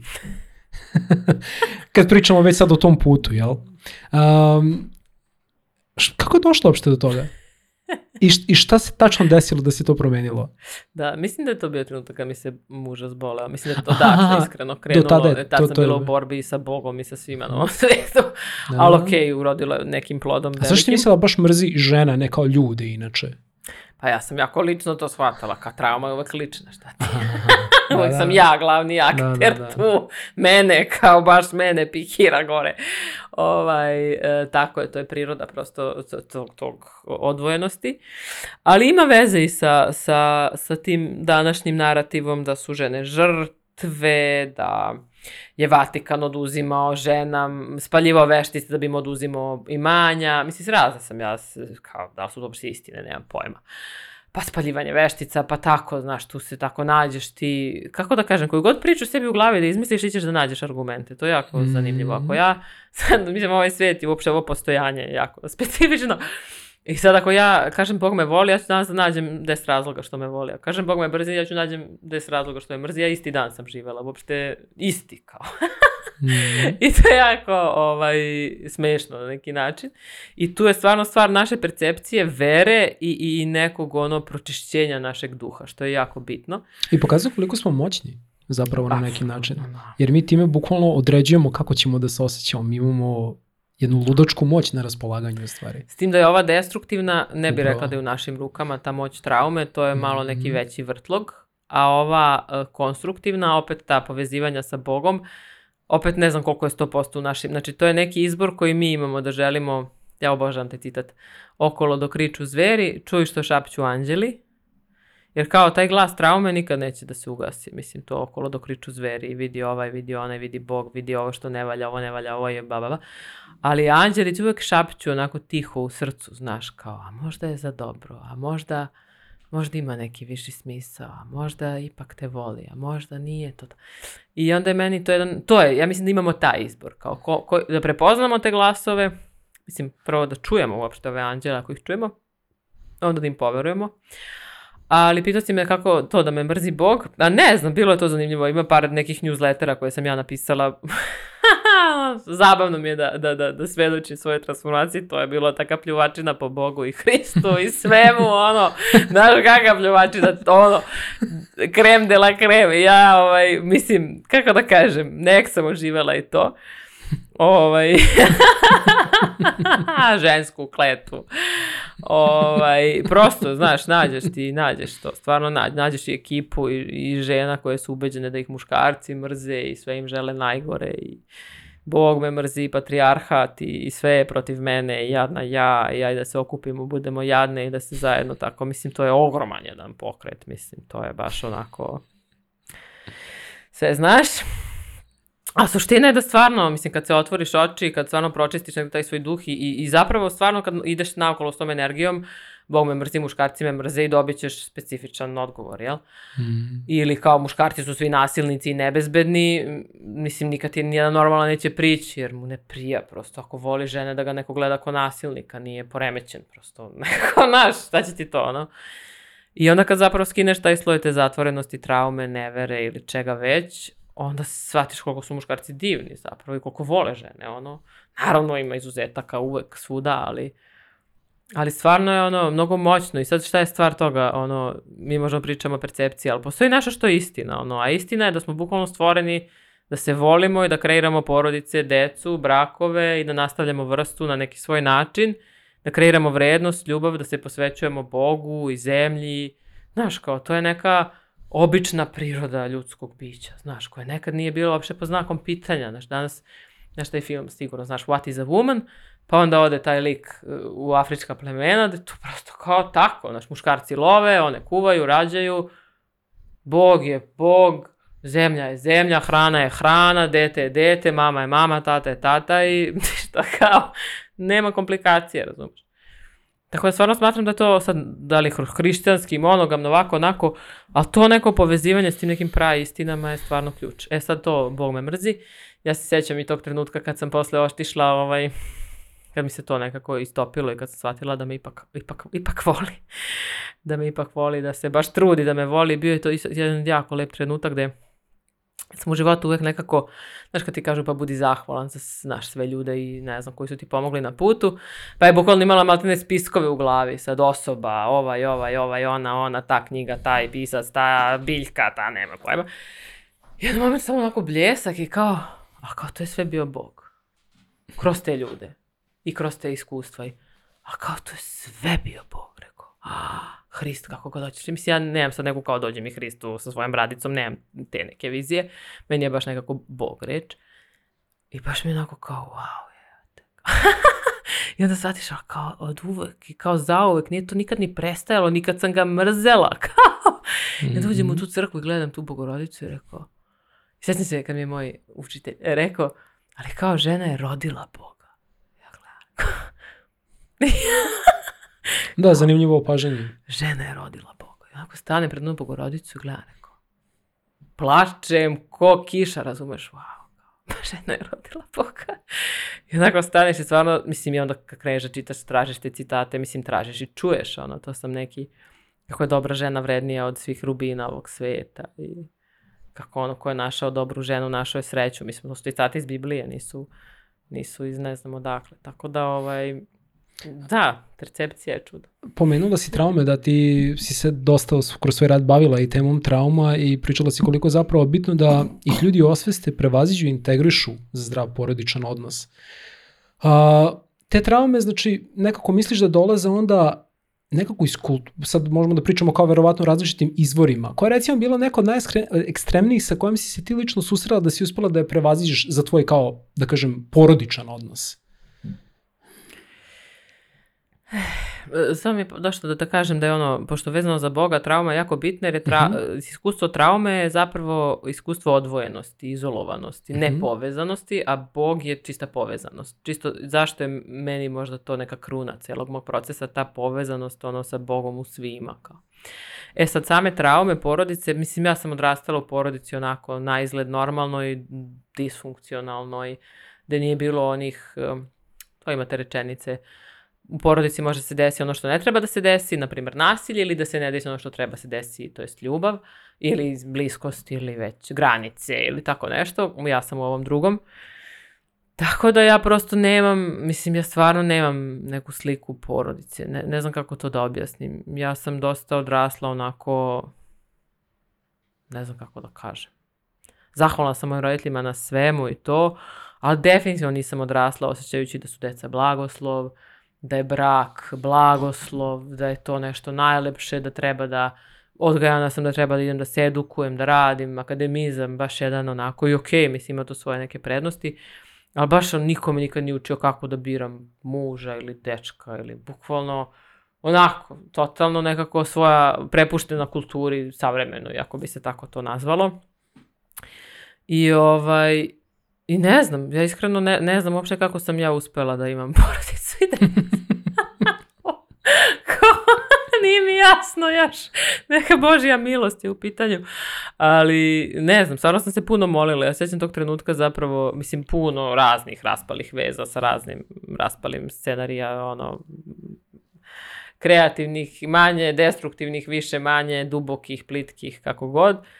I sjećam se baš tog trenutka, ja ovaj, mislim da je to bila 2016. ili 17. ja ono, prosto sam se pomirila ću zauvijek biti sama, reku, ja sam prosto previše istrumirana i da ne kažem šta, da nađem nekog, sve koje privučem su neki, ono, ne vole me, ne volim ja sebe, pa ne vole ni oni mene, kako da privučem. I rekao, možda ću ja zavek budem sama, da budem ova sa mačkama. Samo sam ja maštala da imam kućicu u prirodi ptice neke razne, da ima pada perja, da ja pravim nakit od perja, i mačke, i životinje. Stvarno sam maštala to, rekao, i bit ću srećna. Šta kao? Ako ja stvarno ne mogu da se ostavim, ostvarim u zdravoj ljubavi, pa okej, okay, Bože, ako je to za mene tako sada, prihvata mi to. Prihvata mi tu volju, znaš, jer sam toliko tražila i dejtovala im ono, baš se trudila da nađem ljubav. I nisam je našla, onda mi baš sjećam, to je baš bilo onako, baš mi se srce cepalo, plahkala sam danima i pomirila se nekako s tim. Rekao, dobro, bože moj, šta da radim? Naći ću sreću u nečem drugom. I tad se pojavio, na primjer, moj sale. Posle 5 dana je došao u Beograd. Kako to biva? Kad sam prestala da se trudim. Ovaj. Hmm. Mislim, tu priču sam čula jako puno puta od raznih ljudi.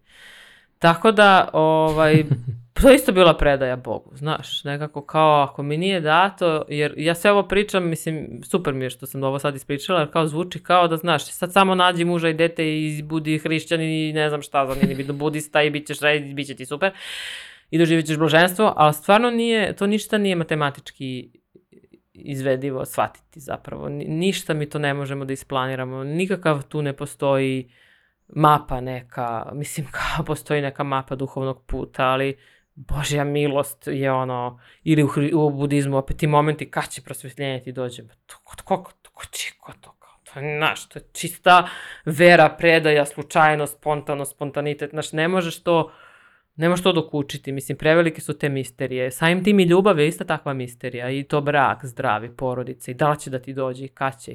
Da možeš mislim, samo da i se otvoriš.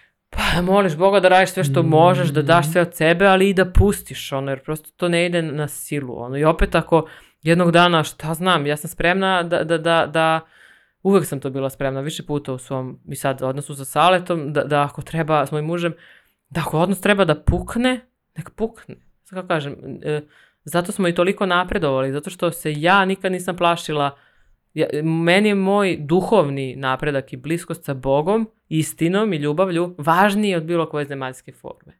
Znači, ako moja zemaljska forma braka ne može da živi u ljubavi i istini, ja sam spremna da on umre. I ja sa njim, i moj, znači sve. Ja uopšte ne težim tome. Niti želim to. I sve što radim, radim za ljubav. Ali, razumeš, nekako, to su mnogo visoke vrednosti kojima ja pričam i kojima ja težim. Većina ljudi nije spremna ni približno da se toliko baci u nepoznato. Da svaki sistem e, sigurnosti koji ima kaže ne treba mi, treba mi samo Bog. Samo istina i ljubav. Mislim, zato ja sam malo fanatik da bavim se ovim. to je moj ono poziv i put i, i volim da inspirišem na tu temu, ali kad pričamo o tom braku, o toj ljubavi, to... I opet ne savršenstvo, opet ne bez strpljenja Opet ne, impulsivno ću ja sad da se razvodim jer kao nema istine ljubave, mislim, bože, sad ću da, normalno ću dati i tekako vremena procesu, i tekako prostora, i svaki put mi se isplatilo, i svaki put smo samo razvili se dalje, znaš. Ne radi se tu o nekoj obavezi, upravo to što si rekla povezujem se s tim, nije to kao da ti, e, da, da, da je to neka lista zadataka koje neko mora da ispuni. To je više život u istini i ljubavi. Samo. I sve, pa da, samo. Ali da li ima smisla bilo šta drugo? Ja znam da nema, ali sad redko ko će na taj put da se prijavi. pa da, ali kad, jed, kad jednom okusiš njegove plodove, kad ok, zato što upravo to, ljudi se možda uplaše, a šta ću ja da dobijem ako se za to predelim? Pa samo ako, ako uopšte probaš sebe da sagledaš u tom kontekstu da možeš da okusiš takav život za ovog kratkog života dok si odaj na planeti, ti si blagosloven čovjek. Ali to je, mislim, to je u stvari carstvo nebesko. Mislim, i nekako mm -hmm. to ključevi carska, carstva nebeskog se kriju u braku. Mislim, i, mi kroz taj brak zapravo vežbamo i poniznost. To sam baš tela neko kažem. U porodica nam je takav poligon za poniznost, za našeg ega, za skromnost, za, za, za razvoj, jer stalno izazivamo jedno drugo. Znači, ne izazivamo... Gordost, kao... to si pričala, poniznost, da, gordost i ego, kao ta pa, tri da. principa. Da, da, poniznost koja je, mislim, pozitivna, a gordost i ego koji uništavaju naš duh zapravo i našu vezu sa Bogom, jer to ja zaslužujem, to je ta gordost. Ali ovaj, stvar je toga da mi tu zapravo, to je poligon za, za pročišćenje našeg ega porodica i, i, i to je ti sa decom, znaš ti kakav god da si sad, ne znam i ja kako, na kraju dođeš i opereš dupe svoje deci. Znaš, kao, šta ti možda istripuješ u životu, kao tu u govnima, ovo, razumeš, znaš, kao, šta, šta kao, znaš, nekako, a, znaš koliko ljudi mogu da se istripuju u nekim, nekim, u miru od smeha, a stvarno, znaš, kako te to u zemlji? Pa da, Ili to, da, da. ti sad misliš, ne znaš šta si, onda dete krene ti vrištiti neku glupost u javnosti, blamirate tamo, razumeš, kao, šta će tvoj ego tad, razumeš, da pukne ili da shvati, ok, samo sam čovek, hvala Bogu da sam samo čovek, hvala Bogu da nisam Bog i da sam grešna i da mogu da molim Boga za pomoć, ono da, da ne moram da budem savršen. Ne, stvarno, potpuno se druga neka dimenzija postojanja otvori i stvarno je poligon za duhovni rast i razvoj. Zato je ono, to ključevi carstva nebeskog zaista se kriju u tom skladu između muškarca i žene. Ja sam sigurna, mislim, to šta ta, mislim, decu stvara, ta energija, a šta sve može da stvori ono od blagostanja znači, unutrašnjeg, ono okolnog, to su Mislim, to je jedna divna žena, to, o tome priča na internetu, kako je to, naj, to je drev, najstarija tehnologija kreacije, ono, sklad muškog i ženskog roda. Mislim, jedina, jel? Jedina prirodna, organska, fiziološka, ti si spomenuo ove tehno, ono što hoće da prave de, materice iz ku u Matrixu, ono bebe iz, iz, iz veštačkih materica, mislim. Da, to uzbuđenje, spanje s mašinom. Da, da. to je jeziva. Da, da, čovjek će konačno da se... To je potpuno udaljavanje da... od Boga od svega, i od prirode, A, da, da. mislim, da. jer je to isto. Bog i priroda su ono, Da, da. Potpuno. Da, zanimljivo je da ljudi u tome nalaze neku formu spasenja. Znaš, mi ćemo da se spojimo sa nekim električnim kolom, znaš, koje ono je a, podržano od strane nekih kutija u nekom podrumu. I mi ćemo totalno da, to, to je sloboda Znaš, kako je, kako je mi trebamo da težimo kao ljudi, znaš. To je next step u našoj evoluciji. nisam stigla do da ti da, da, da, da, to da, još nisam izbratila. Da, da, da, da, da, da, da, to je to. To je, to je, ta, to je taj san o tom jednom, jed, jednoj besmrtnosti virtualnoj. Ja, ovo je, o čemu ovaj- pričamo je prava besmrtnost. Em što je kroz decu, da, ako, imamo, da, ako imamo da, blagoslov, da, pošto deca su ono Boži blagoslov, opet kažem, nisu u našoj kontroli, ili besmrtnost, besmrtnost kroz, kroz to iskustvo stapanja sa Bogom koje nam daje zaista ono, život na nebu. A i na, dok smo na zemlji, što je ono... Kad smo prvi put isto pričali o zdravim, e, odnosno zdravim uslovima u kojima može da se razvije ista takva porodica, rekla si mi da su dosta bitni ti neki prioriteti koji trebaju da se definišu pre nego što se ovaj, uđe u jedan takav ozbiljan poduhvat. I baš si mi rekla da, se, da si da su tebi neki prioriteti od samog starta da si ih instinktivno znala. Koji prioriteti su bili u pitanju? ja sad, to mi, tako meni kao posjeti ide što si rekla, onda se ja ne sjećam. Ali ne znam, mislim, možda sam mislila na tu istinu i ljubav i te neke osnovne stvari, razumiješ, koje su prosto nećemo da se lažemo, nećemo da pravimo gluposti. Ili si mislila nešto drugo, evo ne znam.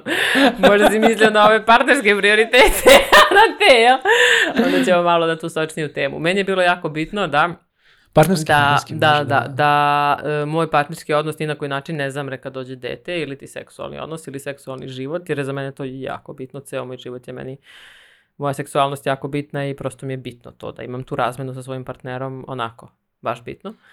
Hvala ti što si pogranula tu temu, zato što mislim da generalno puno ljudi kada uđe u taj seksualni odnos upadaju u tu malo seksualnu ovaj, uh, zamrlost, jel? Uh, I delo je kao da a, ljudi s tim imaju kao problem, sad kad budemo dobili dete, nekako seksualni odnos se zaustavlja. Za, za, zašto? Zašto dolazi do toga? Postoji jedan deo koji je hormonski kod žene, mislim hmm? stvarno koji postoji kada žena se porodi pa možda doji, pa na primjer je neka vrsta suvoće vagine, ako ćemo konkretno da pričamo o nekim stvarima, zaista hormonski je hmm. ovaj, ona u totalnom haosu, to stanje posle porođaja je ludilo. Uh, ali stvar je toga da, mislim, sve se to može prevazići ako je namera tu i ako je svijest o tome koja je važnost toga.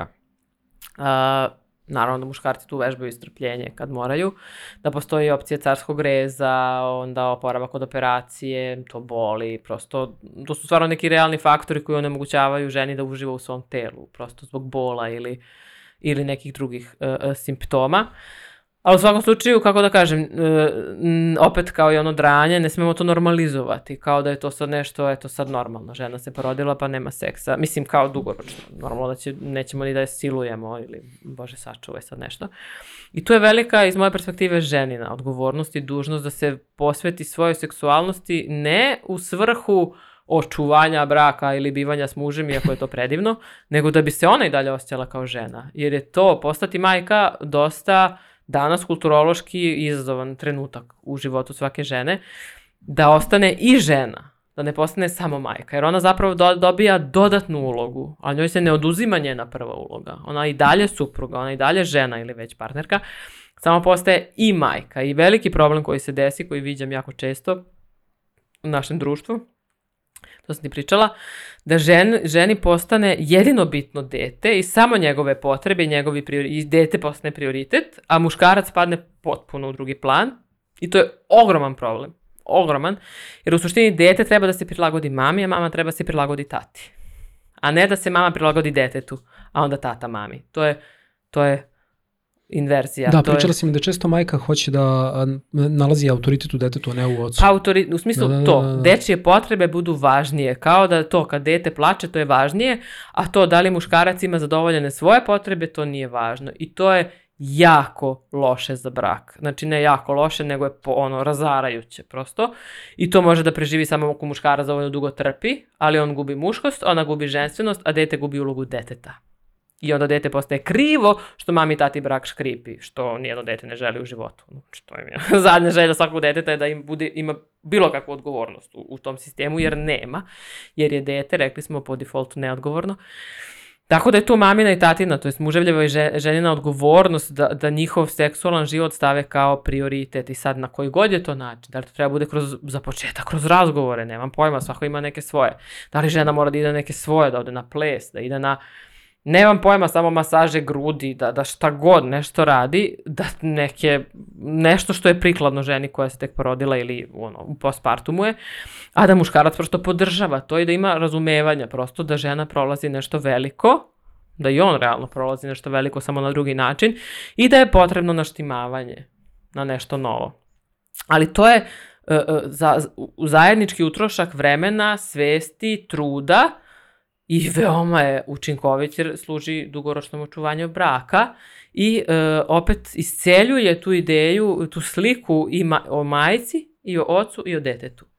Jer dete nije krivo, majka i dalje zavodljiva, lepa, draga i seksualna, a otac je i dalje muškarac. Nije odjednom postao neki debil ili nebitan. Ili... Znači, to su, to su te neke kulturološke danas kao stramputice kojima idemo. I da, to, si mi re, to, to se sjećam, ja sam rekla, sam znala odmah da je to meni, meni je prosto seks bio uvek jako bitan u životu i prosto mi je trebalo da ga ima i kad ga nema ja bi odmah palila crvene lampice i kao dizala alarme i pre deteta, a i posle deteta. Naravno da se tu, ono, mi se menjamo, što si duže s nekim, možda si malo fleksibilni, ali mislim, malo mi je manje ta urgentnost mojih potreba. Uh, ali prosto je tu i ne znam, ja se sjećam da smo mi, ne znam Dario, da li je koliko meseci, išli na razne neke taoističke, prosto našli smo neke radionice koje bi nam stavile fokus na to, sad na neke druge načine, sad svako može nešto svoje da nađe, nije to...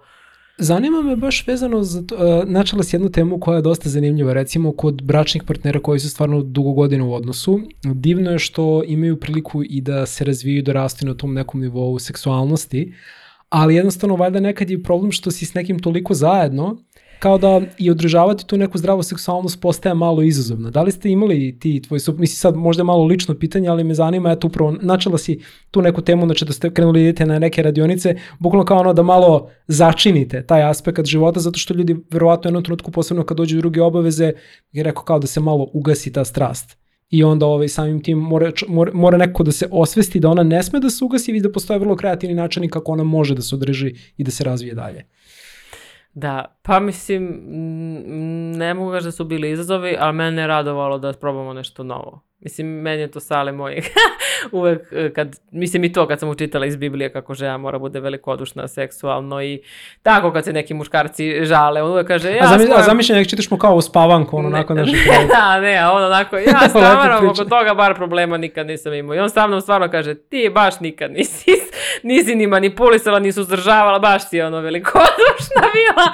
Zato što ja, ja volim i ja volim svoju seksualnost i meni je to bitno i ja volim volim prosto da vodim ljubav, imam pravo to da kažem, posebno sa svojim mužem. To mi je bukvalno, ja sam, kad sam u tom stanju, ja bukvalno svaki put izgovorim kad bi ovo moglo ovako zauvek. Da nikad ne izađem iz ovog stanja, da sam samo u ovom stanju i da je to moj život, ja bi bila zadovoljna. Ne, da. to bilo top. Tako da, ali ja imam takvu prirodu, ja imam baš jako, jaka ženski polaritet i jak, jaku tu energiju.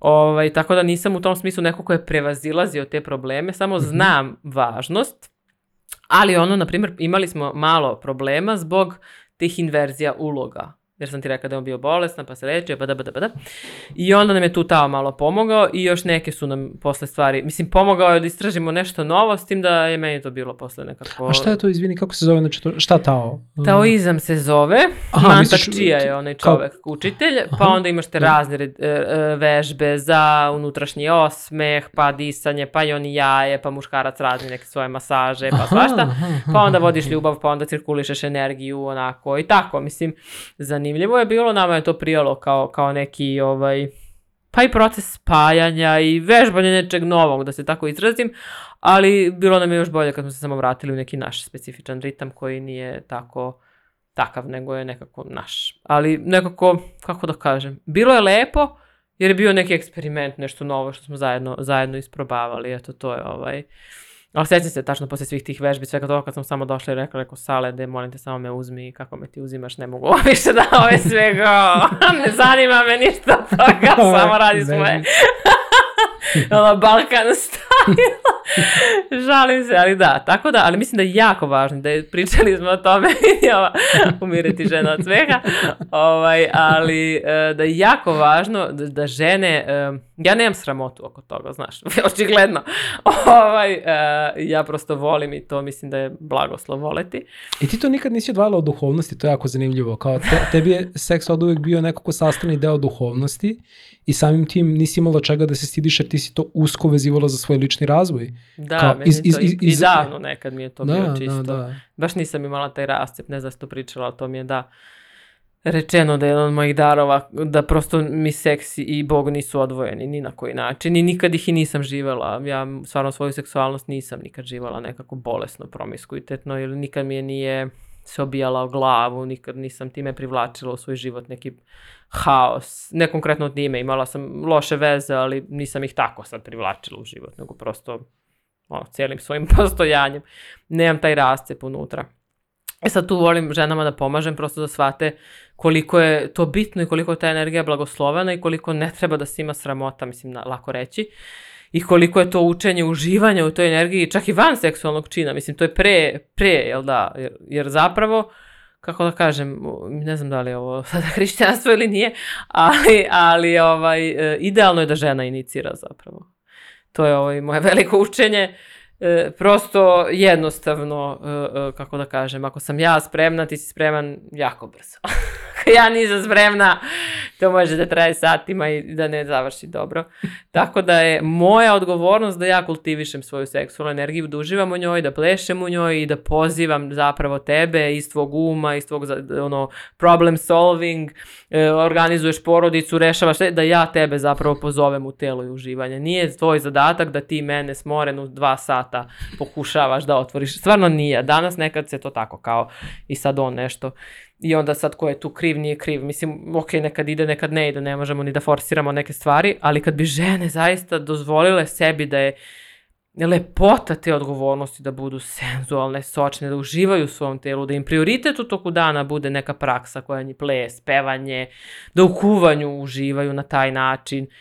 Naravno, danas je to teško pričati, žene su izmorene, rade, vamo, tam, znaš, to sad sve, na ono kulturološki uh, finansijski e, problem zapošljavanja žena i tako. Ali e, moguće je i jako je važno da žene nekako preuzmu odgovornost za to, jer taj deo našeg, znači ako je muškarac odgovoran, na primjer, hrižanski za zarađivanje, za providing, za strukturu sigurnosti i okvire našeg doma, a ja odgovorna za emotivnu, emotivan ton, to je i ovaj ton, to je ovaj senzualan ton to je, ja puštam muziku, ja, mislim, može i on, neće, nik, neće nikom da padne kruna s glave, naravno. Svi mi možemo da to prinesemo na svoj način, mogu ja i da zaradim. Ali to je ženski blagoslov, to je ženski dar, to je ženska, to je kao miris cveta, znaš, cvet će da donese miris u sobu. To radi žena, tako da, eto, da motivišemo mlade mame, da ne mora da bude ili, ili, stvarno ne mora eto kad smo kod mladih mama i nekako za kraj ove naše današnje sjajne razmene, bar meni, voleo bih ovaj, da te pitam eto šta bi Tamara danas, posle svih tih iskustava, katarzi, spaljivanja, dizanja iz pepela, rekla Tamari koja se tek spremala da osnoje porodicu? Jo, bože, ne znam da bi išta rekla, brate. Sama će sve da shvati. ne znam bi me čula. Ne mm. znam, mislim samo da, baš ne znam šta bi ja njoj rekla. Samo da, da voli, da veruje i da nastavi tako. Mislim, već sam ja ta dobro tragala i za istinom i za ljubavlju i za da ne odustaje. Da. Tako da eto, ne znam šta, rekla bi joj prosto to vera, ljubav, istina. To mi je definitivno ono i nekako strpljenje.